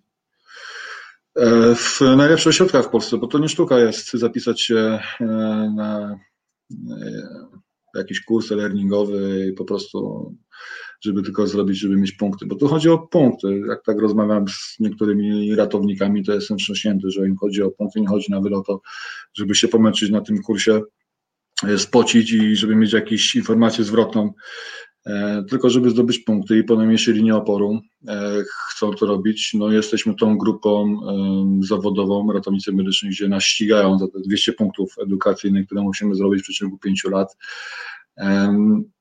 Pracują w systemie ratownictwa medycznego. Pozostałe grupy medyczne nie muszą tego robić. E, przynajmniej ja nie słyszałem, żeby ktoś robił, jak, jeśli nie jest przymuszony.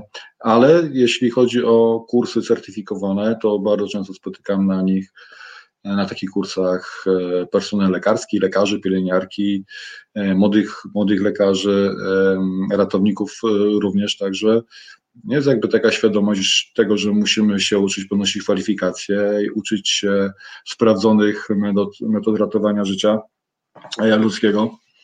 E, pracy w zespole, bo to jest istotne w, e, na takich kursach. No, no przymus, no nie wiem, ja tego nie czuję, ja nie uważam, że to jest dla mnie przymus. Myślę, że niektórzy się ze mną nie zgodzą, ja wiecznie toczę rozmowy na temat samokształcenia i samodoskonalenia się. To jest sprawa indywidualna, jak ktoś nie będzie chciał podnosić kwalifikacji, będzie szukał e, punktów po najmniejszej linii oporu, no, no to jest jego wybór, no, to jest jego wybór. No, na jednym z, z kursów, bodajże na, na hipotermii, rozmawiałem z jednym ratownikiem, nawet nie wiem skąd on był i nie chcę wiedzieć, no to trochę mnie szokował słowami, że co z tego, że on robi byle jakie kursy i tak i tego nie wywalą z roboty, bo nie ma kto pracować. No to no, takie podejście też funkcjonuje w przestrzeni ratowniczej. To jest, to jest smutne i to jest, uważam, że to jest dramat taki, jeśli ktoś E, został, w, znaczy nie wiem, czuje się wypalony zawodowo, no, no to powinien chyba coś innego robić. Tak mi się wydaje. Ale to jest moje, moja opinia, Marcin Wiorczyk. Hmm. Obecna sytuacja związana ze, jakby ze szkoleniem personelu medycznego mm, mogłaby pozostawiać sporo do życzenia. E, ty jesteś wychowankiem hmm. medycznego studium zawodowego. E, ale od pewnego czasu jesteś, tak również, student, mhm. jesteś również studentem ratownictwa medycznego. Jakie masz zdanie na temat tak. systemu edukacji te, tego zawodu? Jakie masz zdanie na ten temat? Czy jesteś zwolennikiem znaczy, tego systemu, czy uważasz, że on był, powinien, powinien być inaczej skonstruowany? E, myślę, że powinien być inaczej skonstruowany i to taki bardzo dobrym rozwiązaniem jest system anglosaski, gdzie e, bodajże chyba w Anglii też tak, w Anglii tak jest, e, że się zdobywa uprawnienia w jakby na przestrzeni lat trzeba ukończyć kursy różne, popracować w różnych miejscach i się otrzymuje pewne uprawnienia, które trzeba podtrzymywać.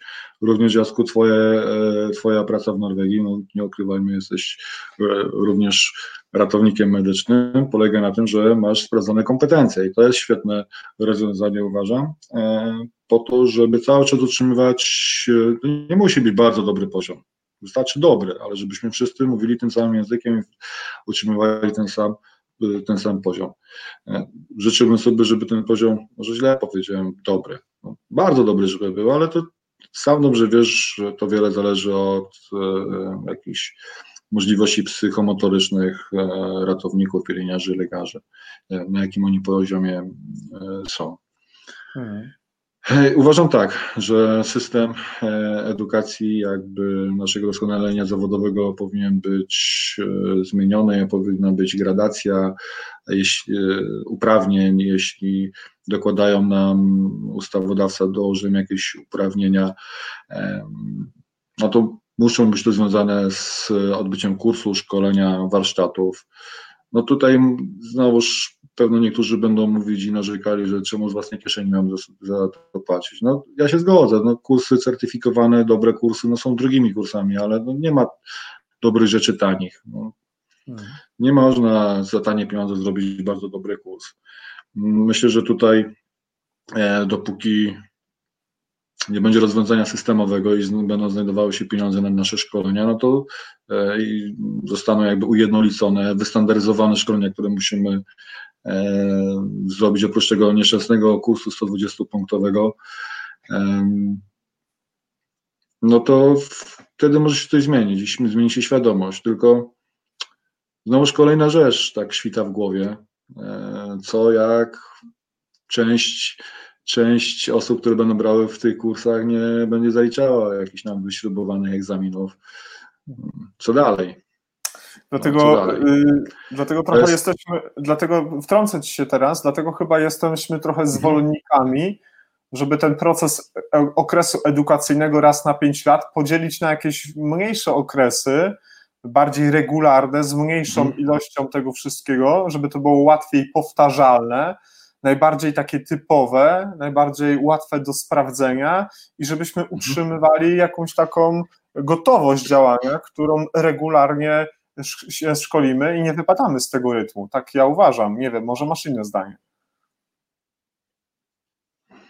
Nie, tu się zgodzę z Tobą. Jak najbardziej, jeśli takie kursy by się odbywały, szkolenia, warsztaty, czy to będą prowadzone przez zewnętrzne firmy, przez e, akredytowane ośrodki szkoleniowe dla nas, dla zespołu ratownictwa medycznego czy dla personelu szpitalnego oddziałów ratunkowych będą się odbywały mm, regularnie, dwa, trzy razy w roku, e, no to myślę, że to będzie z korzyścią dla nas, a przede wszystkim dla pacjentów, bo nauczymy się pracować w zespole, chociażby będziemy postępować zgodnie ze standardami zgodnymi z aktualną wiedzą medyczną, albo znowuż przytoczę konsensusem towarzystw naukowych, bo do tego też jesteśmy zobowiązani. No, będzie łatwiej i bezpieczniej nam, nam pracować. No, wszystko się oczywiście rozbija o, o finansowanie tych naszych szkoleń. No, myślę, że w tym kierunku powinniśmy również rozmawiać e, z ministerstwem i z ustawodawcą, e, aby to nie szło z naszych pieniędzy, a jeśli już to ze środków e, budżetowych, bądź też ze środków unijnych, jeszcze, jeśli jeszcze takie posiadamy i mamy. Hmm. E, e, pojawiło, pojawiło się światełko w tunelu. Broń Boże, nie idźmy zawsze w stronę światła, ale, ale jest fajny komentarz y, na naszym, pod naszą rozmową. Jest pan Kamil Górny dzisiaj z nami. Pan Kamil napisał miłą rzecz, aż się chce czytać, że samo doskonalenie zawodowe dla mnie jako młodego ratownika medycznego jest bardzo ważnym elementem i cieszę się, że już na poziomie uczelnianym podkreśla się rolę szkoleń po zakończeniu procesu edukacji. Panie mhm. Kamilu, gdziekolwiek Pan pracuje, gdziekolwiek Pan tą swoją y, ścieżkę zawodową realizuje, to pozdrawiamy i dziękujemy za taką postawę. Y, również y, komentarz od Jakuba, kolejny. Ponownie mój mm, komentarz właśnie z początku rozmowy. Medycyna ratunkowa się zmienia i my, ratownicy, dla dobra pacjenta musimy robić razem również razem z nią ewoluować. W innym przypadku należy zrezygnować, zrezygnować, jak rozumiem, z wykonywania pracy ratownika y, y, y, medycznego. Jakub podziela Marcin Twoje zdanie i, i, mhm. i dzięki ci, ci za ten komentarz. Mhm. I trzeci komentarz, jaki znalazłem tutaj pod naszym wydarzeniem, to to jest komentarz od pana Jarka. Panie Jarku, również dziękuję za dzisiejszą pańską obecność, który pisze wprost. Obecna sytuacja kadrowa niestety zablokowała jakość. Nie możemy już wymagać mm, nie możemy już wymagać, ok, 10 lat temu mogliśmy wymagać wiedzy i ją egzekwować. Teraz niestety liczy się papier i sztuka do obsadzenia dyżuru. Mamy coraz większą dysproporcję w wiedzy i umiejętnościach. Rozumiem, że to są pańskie doświadczenia, panie Jarku, i jeżeli one są, wzięły się z pańskiej codziennej pracy, to przykro to stwierdzić, ale trudno się z tym nie zgodzić. Nie wiem, jak ty, Marcinie. No, no, wydaje mi się, że tutaj no, Jakub ma rację, oczywiście musimy się szkolić, tutaj Kamil e, również jak napisał, dobrze, że w szkole o tym mówią, że musimy ponosić kwalifikacje. Zresztą zobacz, na kursach z zakresu pierwszej pomocy również mówimy, że to jest nauka nie, że jest raz nabyta i do końca życia, tylko trzeba ją hmm. ponawiać, ponawiać, ponawiać, bo zapominamy o tych prostych rzeczach z zakresu pierwszej pomocy, a co dopiero jeśli chodzi o medycynę ratunkową i nasze działania w zespole. No tutaj bardzo istotną rzeczą jest, mm, no ratownicy są różni. Ja tu podzielam pogląd y, Marcina Gałkiewicza, Gała, e, pozdrawiam, mówiąc o tym, że mamy ratowników takich, właśnie na papierze, potem troszkę co status quo nic nie będą znać, potem tych, którym coś chce się zmieniać i tych, którzy są po, po prostu idą jak petarda do przodu. No taki jest chyba podział wśród nas ratowników i tego chyba nie zmienimy, tacy są ludzie. No, niektórym się chce, innym się nie chce, bo mają mnóstwo dyżurów. E, nieraz usłyszę, że im za to nie płacą. No, no życie, life is brutal. E, tu jest e, bardzo istotna też rzecz, jakby motywuje, to jest właśnie też kropla drąży skałę, motywująca e, do organizowania na terenie zakładu pracy, jeśli jest taka możliwość, warsztatów i szkoleń z, z zakresu medycyny ratunkowej.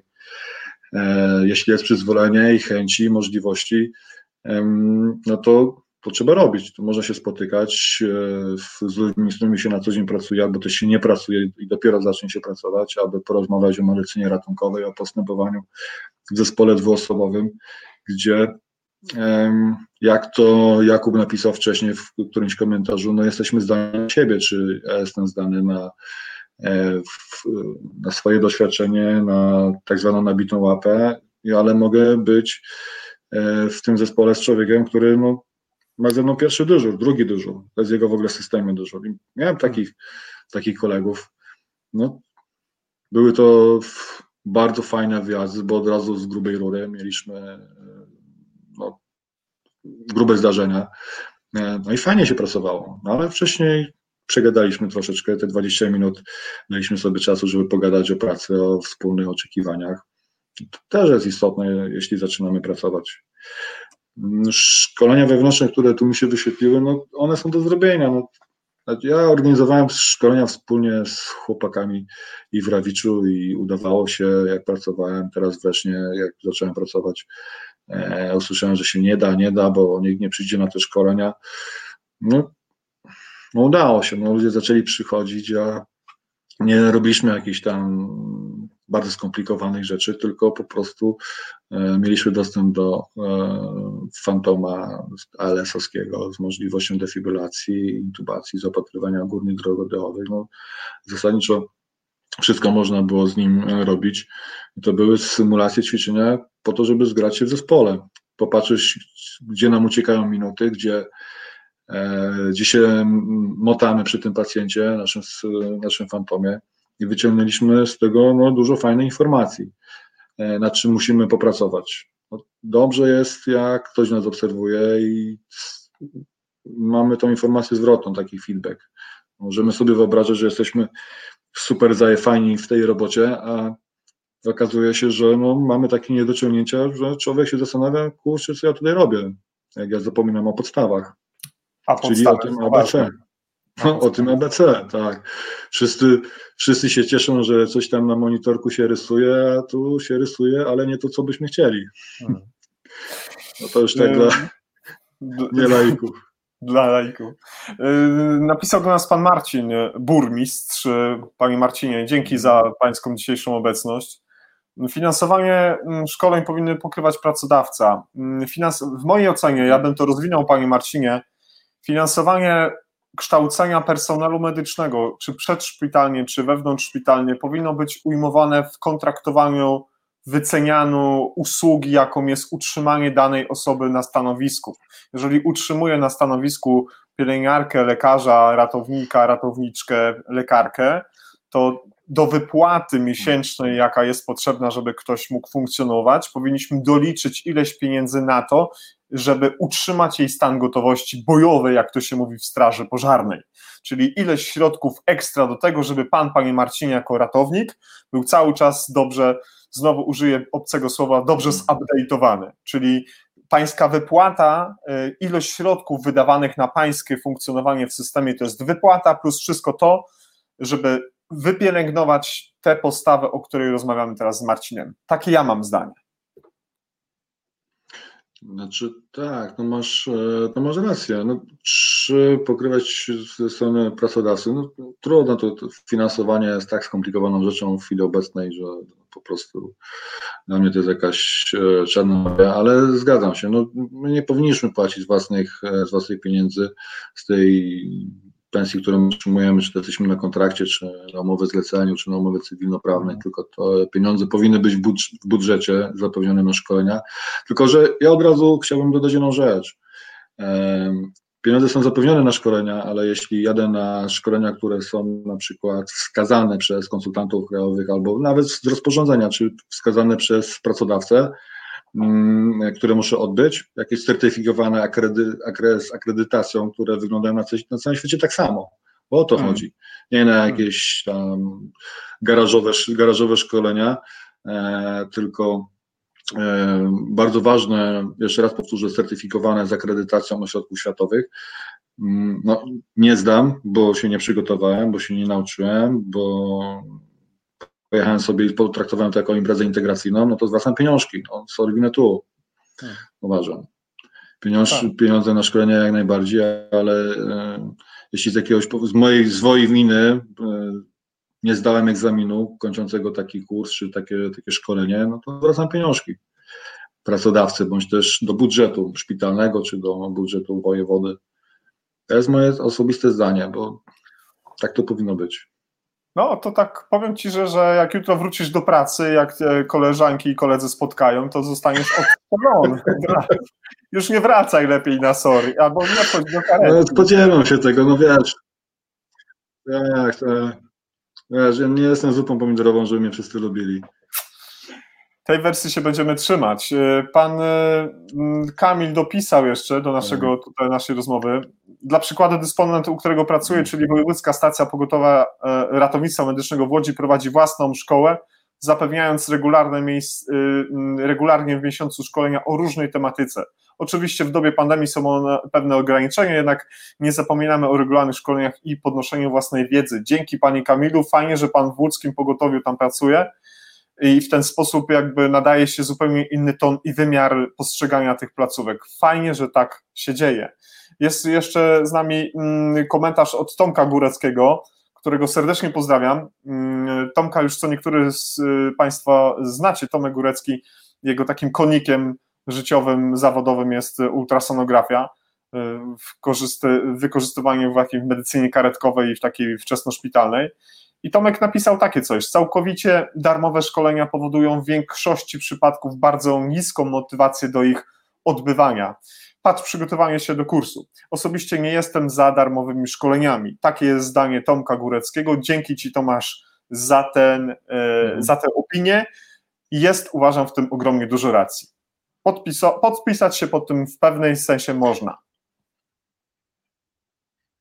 Tak, no to jest to, o czym powiedziałem. Masz darmowe szkolenia, ale nie zdajesz egzaminu, nie jesteś zmotywowany. Ja no, nawet skłonny byłbym do tego, że taki ośrodek wydaje opinię na temat pracownika, która e, otrzymuje pracodawca i są, mhm. jest zwrot pieniążków ze strony e, pracownika i rozmowa, nie wiem, dyscyplinująca z pracodawcą. No, pieniądze nie biorą się z niczego, a darmowe kursy, ja kiedyś miałem okazję prowadzić darmowe kursy unijne, e, no to, to jest tragedia, to jest tragedia. Ludzie niezmotywowani, roszczeniowi, także e, nie pochwalam również, tu się w pełni zgadzam z Tomkiem na temat e, darmowych kursów, całkowicie darmowych, bez żadnych obostrzeń, bez żadnych kar nakładanych na osobę, która uczestniczy w takich kursach. Kart pienięży, no przecież tutaj nikt nie mówi o karze śmierci od razu. Tak, tak, ale finanse bardzo często nas mobilizują, mm, na przykład wysokości mandatów. Żeby nie było aż tak, tak, zupełnie, zupełnie y, w czarnych kolorach, zupełnie, żeby tak odsuwać mhm. od nas taką y, wizję kataklizmu, który w tym momencie nadciąga. Jakie byś miał mm, wskazówki, rady, coś jak starszy kolega po fachu, nie tylko z racji wieku biologicznego czy zawodowego, ale przede wszystkim jako kolega, który w tym ratownictwie już siedzi, jakie byś miał takie y, wskazóweczki dla naszych młodszych kolegów i koleżanek, kiedy decydują się na wybranie tej ścieżki zawodowej? Czy no tutaj jest e, wskazówki? No trudno, trudno mi powiedzieć. Ja nie czuję się jakimś takim człowiekiem, który mógłby udzielać wskazówki, jeśli chodzi o E, ratownictwa medycznego. Sam jestem w tej chwili studentem na, na uczelni.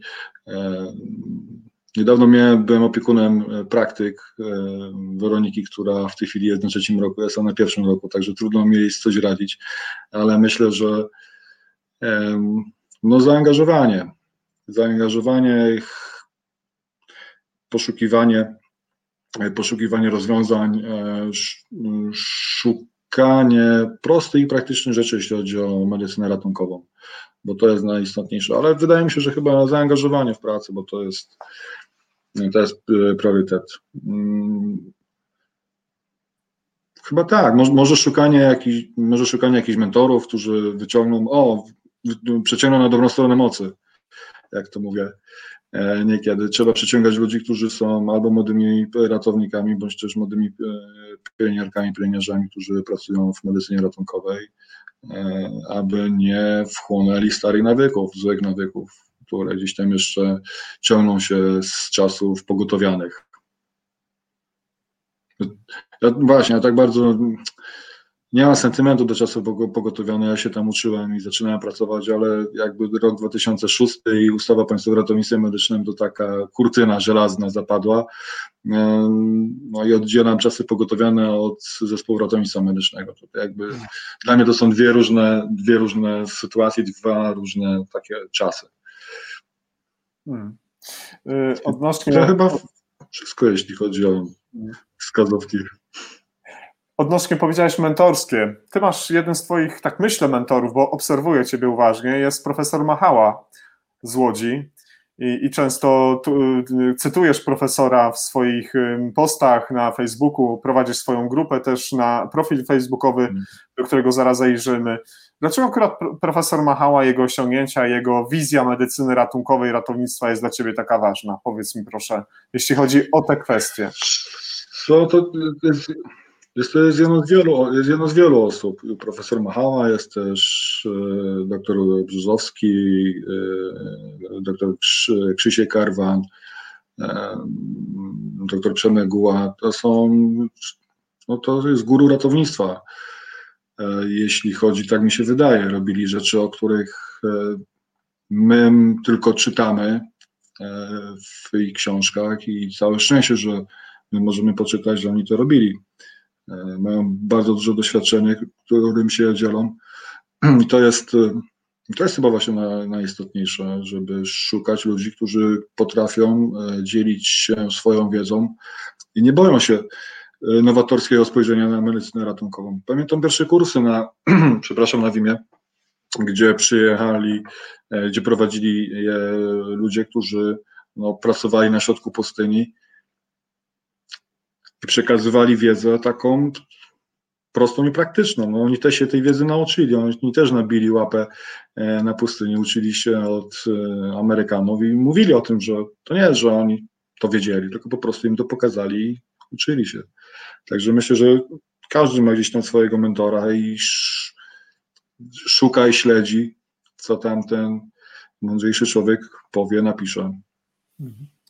To jest tak samo jak uczestniczymy w kursach. No przecież uczestniczymy w kursach po to, że spotykamy się z mądrzejszymi od siebie ludźmi, którzy mają e, szerszą wiedzę i wskazują nam te nasze słabe, e, słabe punkty w naszym postępowaniu, po to, żebyśmy je poprawili. No, przynajmniej ja po to jadę na kurs, żeby dostać tą informację zwrotną, co muszę poprawić, mm, co mi w ogóle nie wyszło w, w danej symulacji, e, co zrobiłem źle, no i niekiedy mówię, co zrobiłem dobrze. Ale, ale to wtedy nie trzeba tego aż tak dużo komentować, bo wiemy, że jeżeli coś zostało zrobione dobrze, to zazwyczaj monitor mniej hałasuje, mniej krzyczy, mniej nas alarmuje, a pacjent. Tak, tak, tak. Tak to bywa. Zawsze wszystko możemy włączyć i wyciszyć.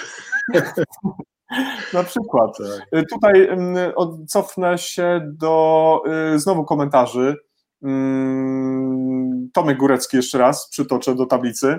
Y, całkowicie darmowe szkolenia powodują w większości przypadków bardzo niską motywację.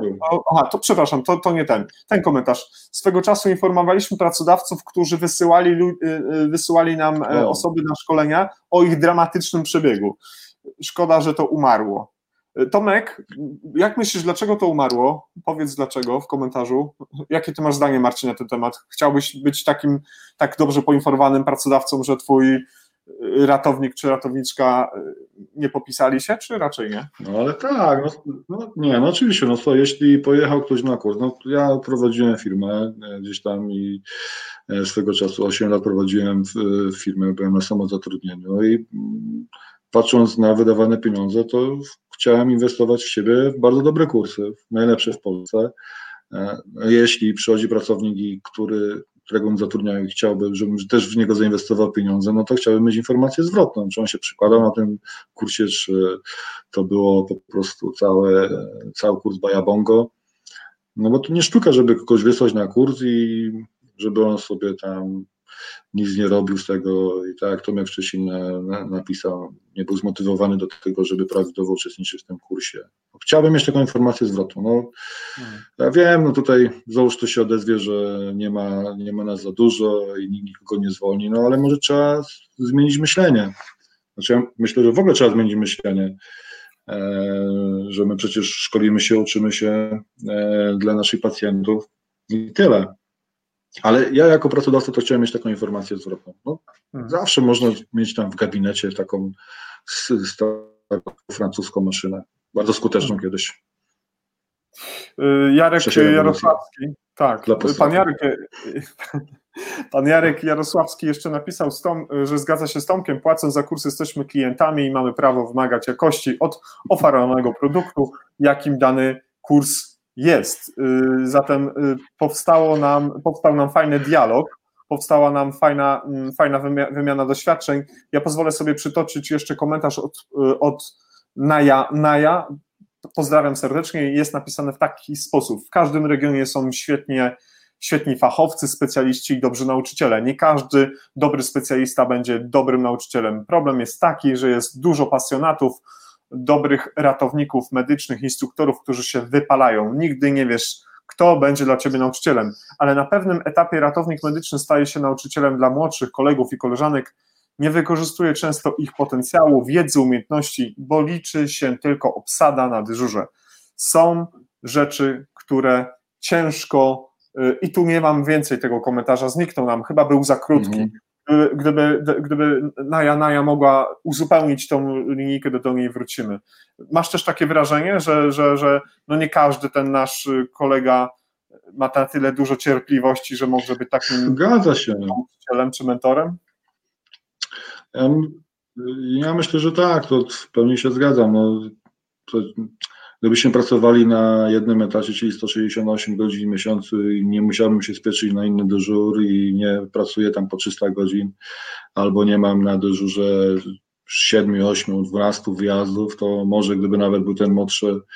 E, ja nie mówię, że akurat ja tak pracuję w takim trybie, tylko tak poogólniam. No to wtedy też ten ratownik, ten starszy ratownik chce na chwilę wyciągnąć nogi, zdjąć buty, odpocząć, zastanowić się, zresetować umysł, a gdzie jeszcze tutaj z młodym adeptem, z młodym padawanem dyskutować, ale to też się uda, to też się udaje na, ale zabrzmiało, nie, młodym padawanem, też to mój kolega, mój Arturo o tym mówił. E, myślę, że też można czas poświęcić. Nie mówię, że na każdym, że to nie każdy młody ratownik chce rozmawiać e, na tematy. No trudno to powiedzieć. Trzeba wyczuć, wydaje mi się, jakieś takie flow. flow. Hmm. Tak? Dobrze powiedziane? Nieważne. Tak, no, Chodzi o to, że musimy no, fluo, czyli ten oranż nas refleks fluo, e, niech nas połączy. Tak. No, trzeba wiedzieć, kim, na jakiego człowieka się trafi. I to jest tak jakby, no, to jak debriefing, są marzenia o debriefingu, ale wszyscy muszą, chcą, muszą chcieć je stosować. Tak samo to jeśli chcemy rozmawiać w przerwie pomiędzy dyżurami, albo nawet po powrocie zrobić sobie jakieś tam szybką analizę zdarzenia, no to musi być zgoda z jednej i z drugiej strony. Jak nie ma takiej zgody, no to nic nie zdziałamy. I tutaj mm, powrócę do tej naja-naja e, wypowiedzi, no zgadza się, nie każdy człowiek, który, nie każdy ratownik, pielęgniarz, pielęgniarka, który ma przeogromną wiedzę, naprawdę przeogromną, ja tu chwilę czoła, no jest e, dobrym nauczycielem i potrafi tą wiedzę przekazać. No, hmm. tak jest, no tak samo no, tu, e, profesor na uczelni może mieć wielką wiedzę, a z tym przekazywaniem jest różnie niekiedy. Tak. Y, mamy y, y, drugą część komentarza od Naja Naja i ten komentarz mogę tylko zakończyć tymi słowami. Są mhm. rzeczy, które ciężko przeliczyć na czysty zysk. Naja Naja pozdrawia koleżanki i kolegów z całej Polski, a szczególnie ze Szczecina. Rozumiem, że mowa o wojewódzkiej stacji pogotowia ratunkowego w Szczecinie, którą serdecznie wszystkich pozdrawiamy. Stamtąd chyba się wywodzi nasz Bartek mm. Zimoch, którego też bardzo y, pozdrawiamy. Nie ma dzisiaj Bartka, ale wiemy, że może być bardzo zajęty dzisiaj. Mm, do, dopisał też y, mm, Tomasz Górecki, jeszcze jeden komentarz. Dzisiaj jest świetnie, dzisiaj powstała taka przestrzeń do wymiany doświadczeń i komentowania, y, co podoba nam się bardzo. Mm, Tomek wypunktował pewne rzeczy. Brak przygotowania do kursu, mało profesjonalne zachowanie się w czasie zajęć. Moim zdaniem to brak szacunku do osoby, która finansuje mi Y, y, ten kurs w 100%, ten kurs medyczny.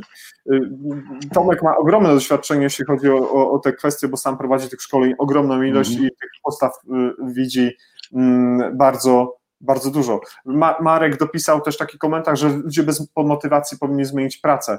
To specyficzna praca. Myślę, że w każdej dziedzinie to, co robimy, jeżeli tej motywacji nie ma, albo jest ona niewielka, no to powinniśmy zrobić wszystko, żeby ją odzyskać albo, albo, no, albo ją trochę naprawić, a jeżeli rzeczywiście tego nie ma, no to, to, to bywa z tym różnie.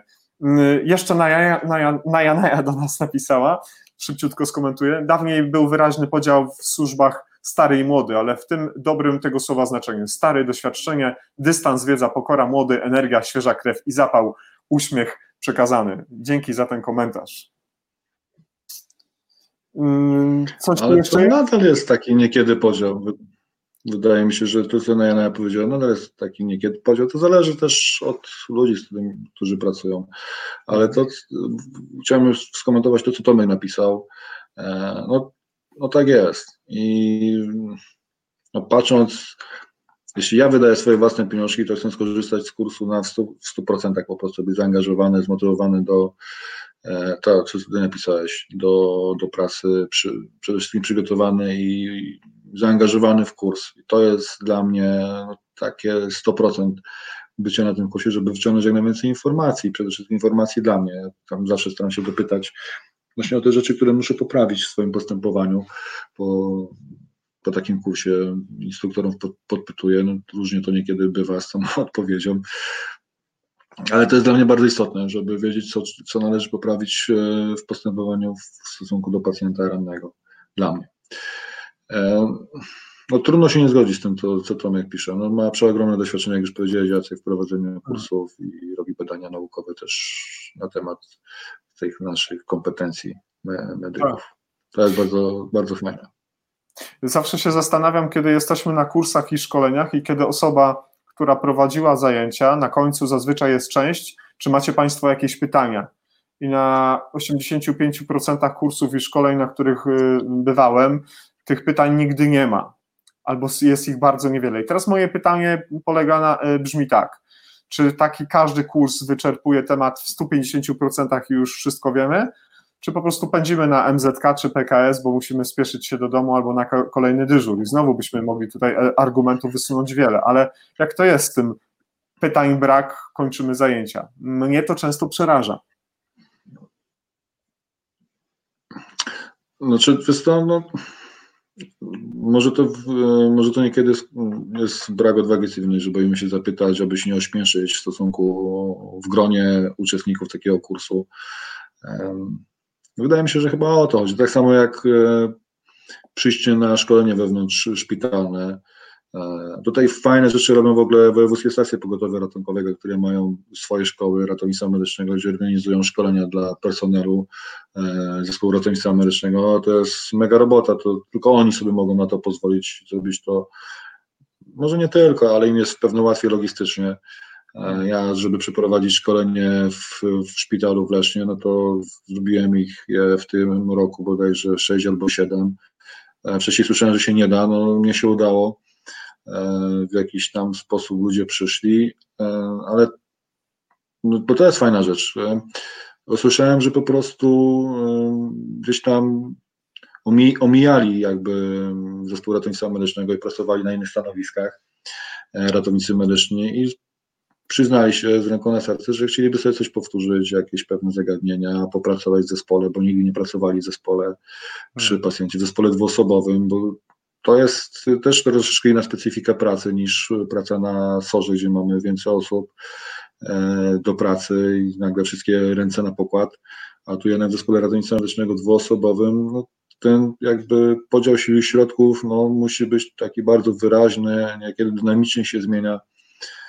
No i ja szanuję tych ludzi, którzy przyszli i mówili, kurczę, zróbmy jakieś warsztaty, poćwiczmy i zaczęliśmy od rzeczy prostych, jak już powiedziałem, od BRS-a, LS-a, w zasadzie to impulsem było to, że wymyśliliśmy sobie na jednym z dyżurów, jak to jest prowadzić resuscytację w środkach ochrony indywidualnej, czyli w gumowej masce, w goglach, w przyłbicy. No, tak, poszliśmy po grubości, no, między, między wyjazdami. Byliśmy upłacani samymi ćwiczeniami, a jeszcze wyjazdy. Ale myślę, że to jest, wszystko zależy od, od ludzi, którzy pracują, którzy chcą coś innego robić niż tylko przeleżeć e, na dyżurze. No to też jest potrzebne, ten odpoczynek też jest, też jest potrzebny. Tylko no niekiedy można się spotkać i poza dyżurem i e, poćwiczyć, zorganizować warsztaty fajne, żeby. To też jest to też jest jakby dobre miejsce do wymiany swoich doświadczeń zawodowych, bo różni ludzie przychodzą, mają różne, różne doświadczenia i fajnie jest wtedy porozmawiać i e, wybrać to, co, to, co najlepsze dla naszych pacjentów rannych. Marcin, tak pomału już y, będziemy się zbliżać do końca naszego dzisiejszego spotkania, bo też y, nie chcę Tobie zawierać jakoś super mm. dużo dzisiejszego wolnego czasu, ale jeszcze są dwie, dwie kwestie, o które chciałbym zapytać. Y, I znowu wsadzimy tutaj patyk w środowisko mm. edukacyjne i medyczne mm, i mm. tak jak środowisko jakieś. No ale, ale, ale zapytam, nieraz żeśmy na ten okay. temat rozmawiali. Mm, tydzień temu, kiedy rozmawiałem z Pawłem Bednarenko z Wielkiej Brytanii podkreślaliśmy, rolę suplemencyjnych służb, które wspierają zespoły ratownictwa medycznego w Anglii, Wielkiej Brytanii. Mhm. Wiem, jakie masz zdanie na temat obecnego stanu rzeczy związanym z kursami KPP, czyli kwalifikowanej pierwszej pomocy. Dlaczego mówię o tych dwóch mhm. kwestiach? Jakie jest, pierwsze pytanie, jakie jest Twoje zdanie na temat wykorzystywania ratowników y, takich y, suplemencyjnych, takich y, niezawodowych w systemie ratownictwa medycznego? To jest pierwsze pytanie. A mhm. drugie moje pytanie jest, jakie zmiany wprowadziłbyś w obecnym y, szkoleniu y, kursów kwalifikowanej pierwszej pomocy? Mm, no dobra, odniosę się do kursu, bo to jakby było pierwsze pytanie. Jakie zmiany w szkoleniu KPP? E, no musi się opierać na aktualnej wiedzy medycznej, ona jest różna. Ja już dawno nie, nie prowadziłem szkoleń z zakresu KPP, bo troszkę się poirytowałem. Jakby niereformowalnością programu tego szkoleniowego KPP. Także jakby medycyna ratunkowa swoją drogą ma procedury swoją odrębną ścieżką, niekiedy irracjonalną, e, totalnie. No, nie tędy droga, ale myślę, że chyba wszystko do zreformowania i znów ktoś musi e, podjąć tą rękawicę i kropla drąży skałę również w KPP i aby prowadzić szkolenia i kursy zgodnie z aktualną wiedzą medyczną, to i z ALS-u, RC, PRC, czy z ACLS-u, amerykańskich wytycznych, z ITLS-u, z PHTLS-u, e, aby to miało ręce i nogi. No, nie wyważajmy drzwi, które są otwarte, bo mamy rekomendacje, czy też rekomendacje TC3, które również można implementować w KPP i w medycynę ratunkową. Jak najbardziej. I myślę, że to jest tutaj droga dla reformatorów. Ja już nie chcę się zajmować reformowaniem KPP, bo nie mam, nie mam czasu i to nawet ochoty już chyba, żeby to cokolwiek tam reformować. Ja mogę służyć pomocą jakąś tam E, merytoryczną w pewnych zagadnieniach. E, no są procedury KPP, które chyba są takimi dogmatami, wydaje mi się niekiedy. E, ale to nie będę się wypowiadał, ok? Ale wypowiem się na temat angażowania jednostek współpracujących z systemem, systemem Państwowego Ratownictwa Medycznego, między innymi PSP, OSP, policją, wojskiem. No to są te podległe pod MON, pod MSW.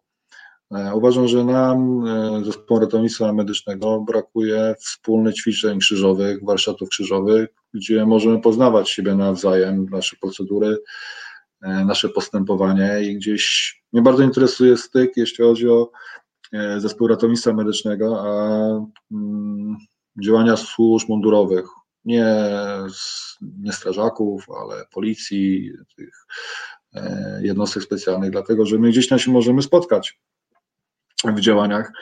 No bo tak i tak wszyscy liczą na to, że zespół ratownictwa medycznego przyjedzie. No, no tak jest, no to przyjedzie zespół ratownictwa medycznego i co z tego, że przyjedzie, jak my nie będziemy wiedzieli, e, nie będziemy znali procedur postępowania chociażby z zakresu TC3 i zobaczymy jakieś dziwne rzeczy na ciele poszkodowanego albo w ciele poszkodowanego i nie będziemy wiedzieli, e, z czym to się e, wiąże, z czym to się je, w cudzysłowie oczywiście. Hmm. Czyli, myślę, że czyli brakuje nam. Rozumiem, że jesteś za, podpisujesz się wszystkimi kończynami pod, tą, pod tym takim stwierdzeniem, że powinniśmy jeszcze lepiej albo w ogóle powinniśmy wykorzystywać służby suplemencyjne i jednostki wspierające tak. do jeszcze lepszego działania systemu. Czyli nie jesteś w opozycji do tego, tylko jesteś tego zwolennikiem. Tak, no słuchaj, no co chodzi o to, że jak jest potrzeba, no to wszystkie ręce na pokład. No i to jeśli my zrozumiemy E, w jaki sposób poszczególne służby działają i one zrozumieją nas, w jaki my sposób e, działamy. I powiem prosty przykład. No, e, jak policja zrozumie, dlaczego nie powinna otwierać drzwi karetki, bo badamy pacjenta i robią na przeciąg, i dlaczego wyzywamy, że nam otwierają drzwi na szerokość, no to ja będę zadowolony. No, tak, oni mm. nie wiedzą, dlaczego my się zamykamy i, nie, i każemy im zamykać natychmiast drzwi. No, prosta rzecz, no hipotermia. Nie hmm. wietrzymy nagrzanej karetki, no bo to ma sensu. Tylko zobacz, no to są proste rzeczy, o których mało kto mówi, mało kto jest tym zainteresowany i my sobie e, wyzywamy się na tych zdarzeniach takich gdzieś na środowiskach niesprzyjających, bo nie, nie rozumiemy e, tego naszego, tych naszych procedur, naszego postępowania. No bo każdy rządzi się swoimi priorytetami. Policja ma swoje priorytety na zdarzeniu, jakimś komunikacyjnym mamy swoje priorytety na tym zdarzeniu. Tu, jak mhm. zaczniemy rozmawiać i tłumaczyć, um, dlaczego nie mają otwierać drzwi i nie wietrzyć nam karetki, bo ledwo co żeśmy osiągnęli 30 stopni w środku i tak ma być, bo rozbieramy pacjenta i musimy go zbadać, a nie chcemy go wprowadzić w hipotermię e, urazową, no to Myślę, że to jest tędy droga. No, brakuje nam ćwiczeń krzyżowych, takich, żebyśmy zrozumieli. To nie ćwiczenia krzyżowe, które nim się rozpoczną, to wszyscy wiedzą, jaki będzie koniec, że wszystko przebiegło zgodnie z planem i współpraca służb jest taka i widzimy uściski e, dłoni wszystkich koordynatorów i obserwatorów i wszyscy są zadowoleni. No nie, bo to nigdy hmm. nie będzie idealnie przebiegało, a w życiu to już absolutnie, to w ogóle nie ma takiej opcji, żeby wszystko idealnie przebiegło. Zresztą hmm, mogę tak. prosty przykład podać. Ko komunikacja radiowa leży, leży i kwiczy. Y, zajrzymy do naszych komentarzy. Y, nasze komentarze są pod wydarzeniem, które no dzisiaj możemy zna znaleźć. Y, kolejny komentarz od pana Kamila. Kurs KPP moim zdaniem jest fajnym pomostem pomiędzy pierwszą pomocą a medycznymi, medycznymi czynnościami ratunkowymi, jednak jest to chyba wynalazek trochę przestarzały i wymaga pewnych zmian i interwencji w programie KPP. To na pewno należy się z tym zgodzić. Pan Jarek dopisał również, że w KPP jest jak wszędzie kluczem jest, w KPP jak wszędzie kluczem jest organizacja, jeśli jeden instruktor przypada na 15-30 osób, to jest to ewidentna fikcja lub e, e, papierka i pieniędzy. A fajne jest to, że ratowników KPP, możemy uczyć po pierwsze według ich procedur, a po drugie jako ręce do pomocy w procedurach, których Państwowy e, Zespół Ratownictwa Medycznego, zespół podstawowy nie ma szans zrobić dobrze, bo często nawet nie ma na to czasu albo możliwości. I trzeci komentarz odnośnie KPP to jest pana Naja Naja, z pewnością pani. Ukończenie kursu KPP to jedno, a dostęp do sprzętów w niektórych służbach to jest inna rzecz. Państwowa y, Straż Pożarna działanie głównie na R, torbach R1, w policji y, podstawa to y, torba R0. Na pewno wspólnym mianownikiem jest współdziałanie na miejscu wypadku zdarzenia, przestępstw, prób samobójczych i tak dalej. Musimy się uzupełniać, a nie wchodzić sobie kompetencje. To są takie trzy komentarze odnośnie KPP, potwierdzające jakby to, co powiedział Marcin Gbiorczyk, mm, wypowiadając się na ten temat. Celowo zadałem to pytanie, bo wiem, że jesteś zwolennikiem mm, drążenia skały tymi kroplami również w tej przestrzeni, ale rozumiem, mhm. że nie teraz twoja w tym głowa, żeby ten system KPP zmieniać, ale może w przyszłości usiądzie tu naprzeciwko mnie człowiek odpowiedzialny za KPP i ty wtedy te pytania będziesz zadawał. No, byłoby dobrze, byłoby dobrze. Gdyby usiadł i miał odwagę, bo tutaj jeszcze trzeba mieć odwagę, żeby próbować zmieniać system. Odnośnie, odnośnie odwagi, y, już tak y, zbliżając się do końca, y, Marek napisał taki komentarz odnośnie kursu, na którym kiedyś był i, i, i, i trzeba być też bardzo mocno odważny, bo nigdy nie wiadomo, kto do twój, na twój kurs przyjdzie pierwszej pomocy. Marek był uczestnikiem kiedyś kursu pierwszej pomocy i instruktor, kiedy zapytał, powiedział, co będziemy robić, to jeden z uczestników tego kursu pierwszej pomocy zapytał się, kiedy będziemy odbaczać odmę płucną i, instruktor otworzył oczy, zrobił je wielkie, jak y, przy problemach z tarczycą i się zdziwił, kogo ma przed sobą, a to była ponoć bardzo dobra i mocna ekipa y, tych szkolących się, co się mhm. później okazało prawdą. Takich y, sobie kursantów i Tobie, mm, Marcinie, życzę.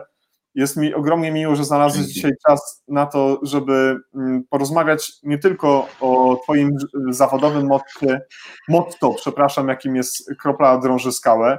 Dziękuję Ci, że za, zająłeś y, mm, głos y, w kilku innych sprawach kluczowych dla naszego funkcjonowania. Proszę Cię, pozdrów wszystkich swoich koleżanków, koleżanki i koledzy w SORze, w zespołach ratownictwa medycznego. Trzymajcie się tam, Dziękuję bez względu na to, przekażę. ile tego COVID-u tam się wleje do tego nowego wiadra, ale pamiętajmy, że mamy inne problemy zdrowotne, a nie tylko SARS-CoV-2 no, i COVID-19. Tak jest.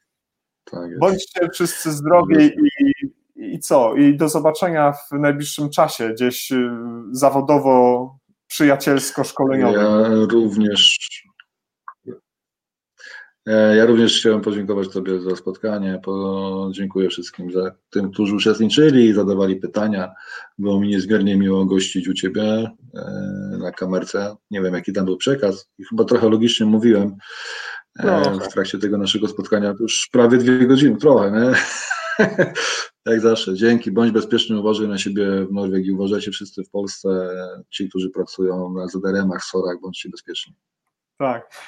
Wszyscy ci, którzy będą chcieli, drodzy Państwo, obejrzeć y, więcej jakby tego wszystkiego, co Marcin Gbiorczyk pokazuje, zapraszam e, bardzo serdecznie do tego, żeby zajrzeli do niego na e, stronę mm, facebookową. E, znajdziecie to, drodzy Państwo, wchodząc po prostu na Facebook, wpisując Med Group, tutaj znajdziecie ciekawe informacje, tutaj znajdziecie ciekawe komentarze z tymi, którymi Marcin się dzieli mm, ze swojej pracy zawodowej. Kliknijcie tam na like, przekażcie jakiś miły komentarz. Niech ta wiedza dobra, którą Marcin się z nami dzieli, spada na bardzo dobry grunt. A jeżeli też się okaże, że Nordic Striget zasługuje na jakąś tam łapkę w górę, to wstawiajcie łapki, dzwońcie dzwoneczkami, czy tam trzeba.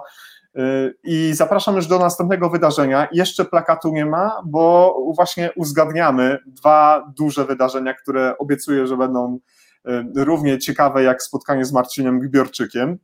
Y, tak więc nie, stoi, nie zostaje nic mi więcej do powiedzenia, jak tylko pożegnać się z Państwem, życzyć dobrej nocy i do zobaczenia na kanale Nurdistrygec. Marcin, macham do Ciebie. Pozdrawiam Ciebie bardzo serdecznie. Na razie. Trzymajcie.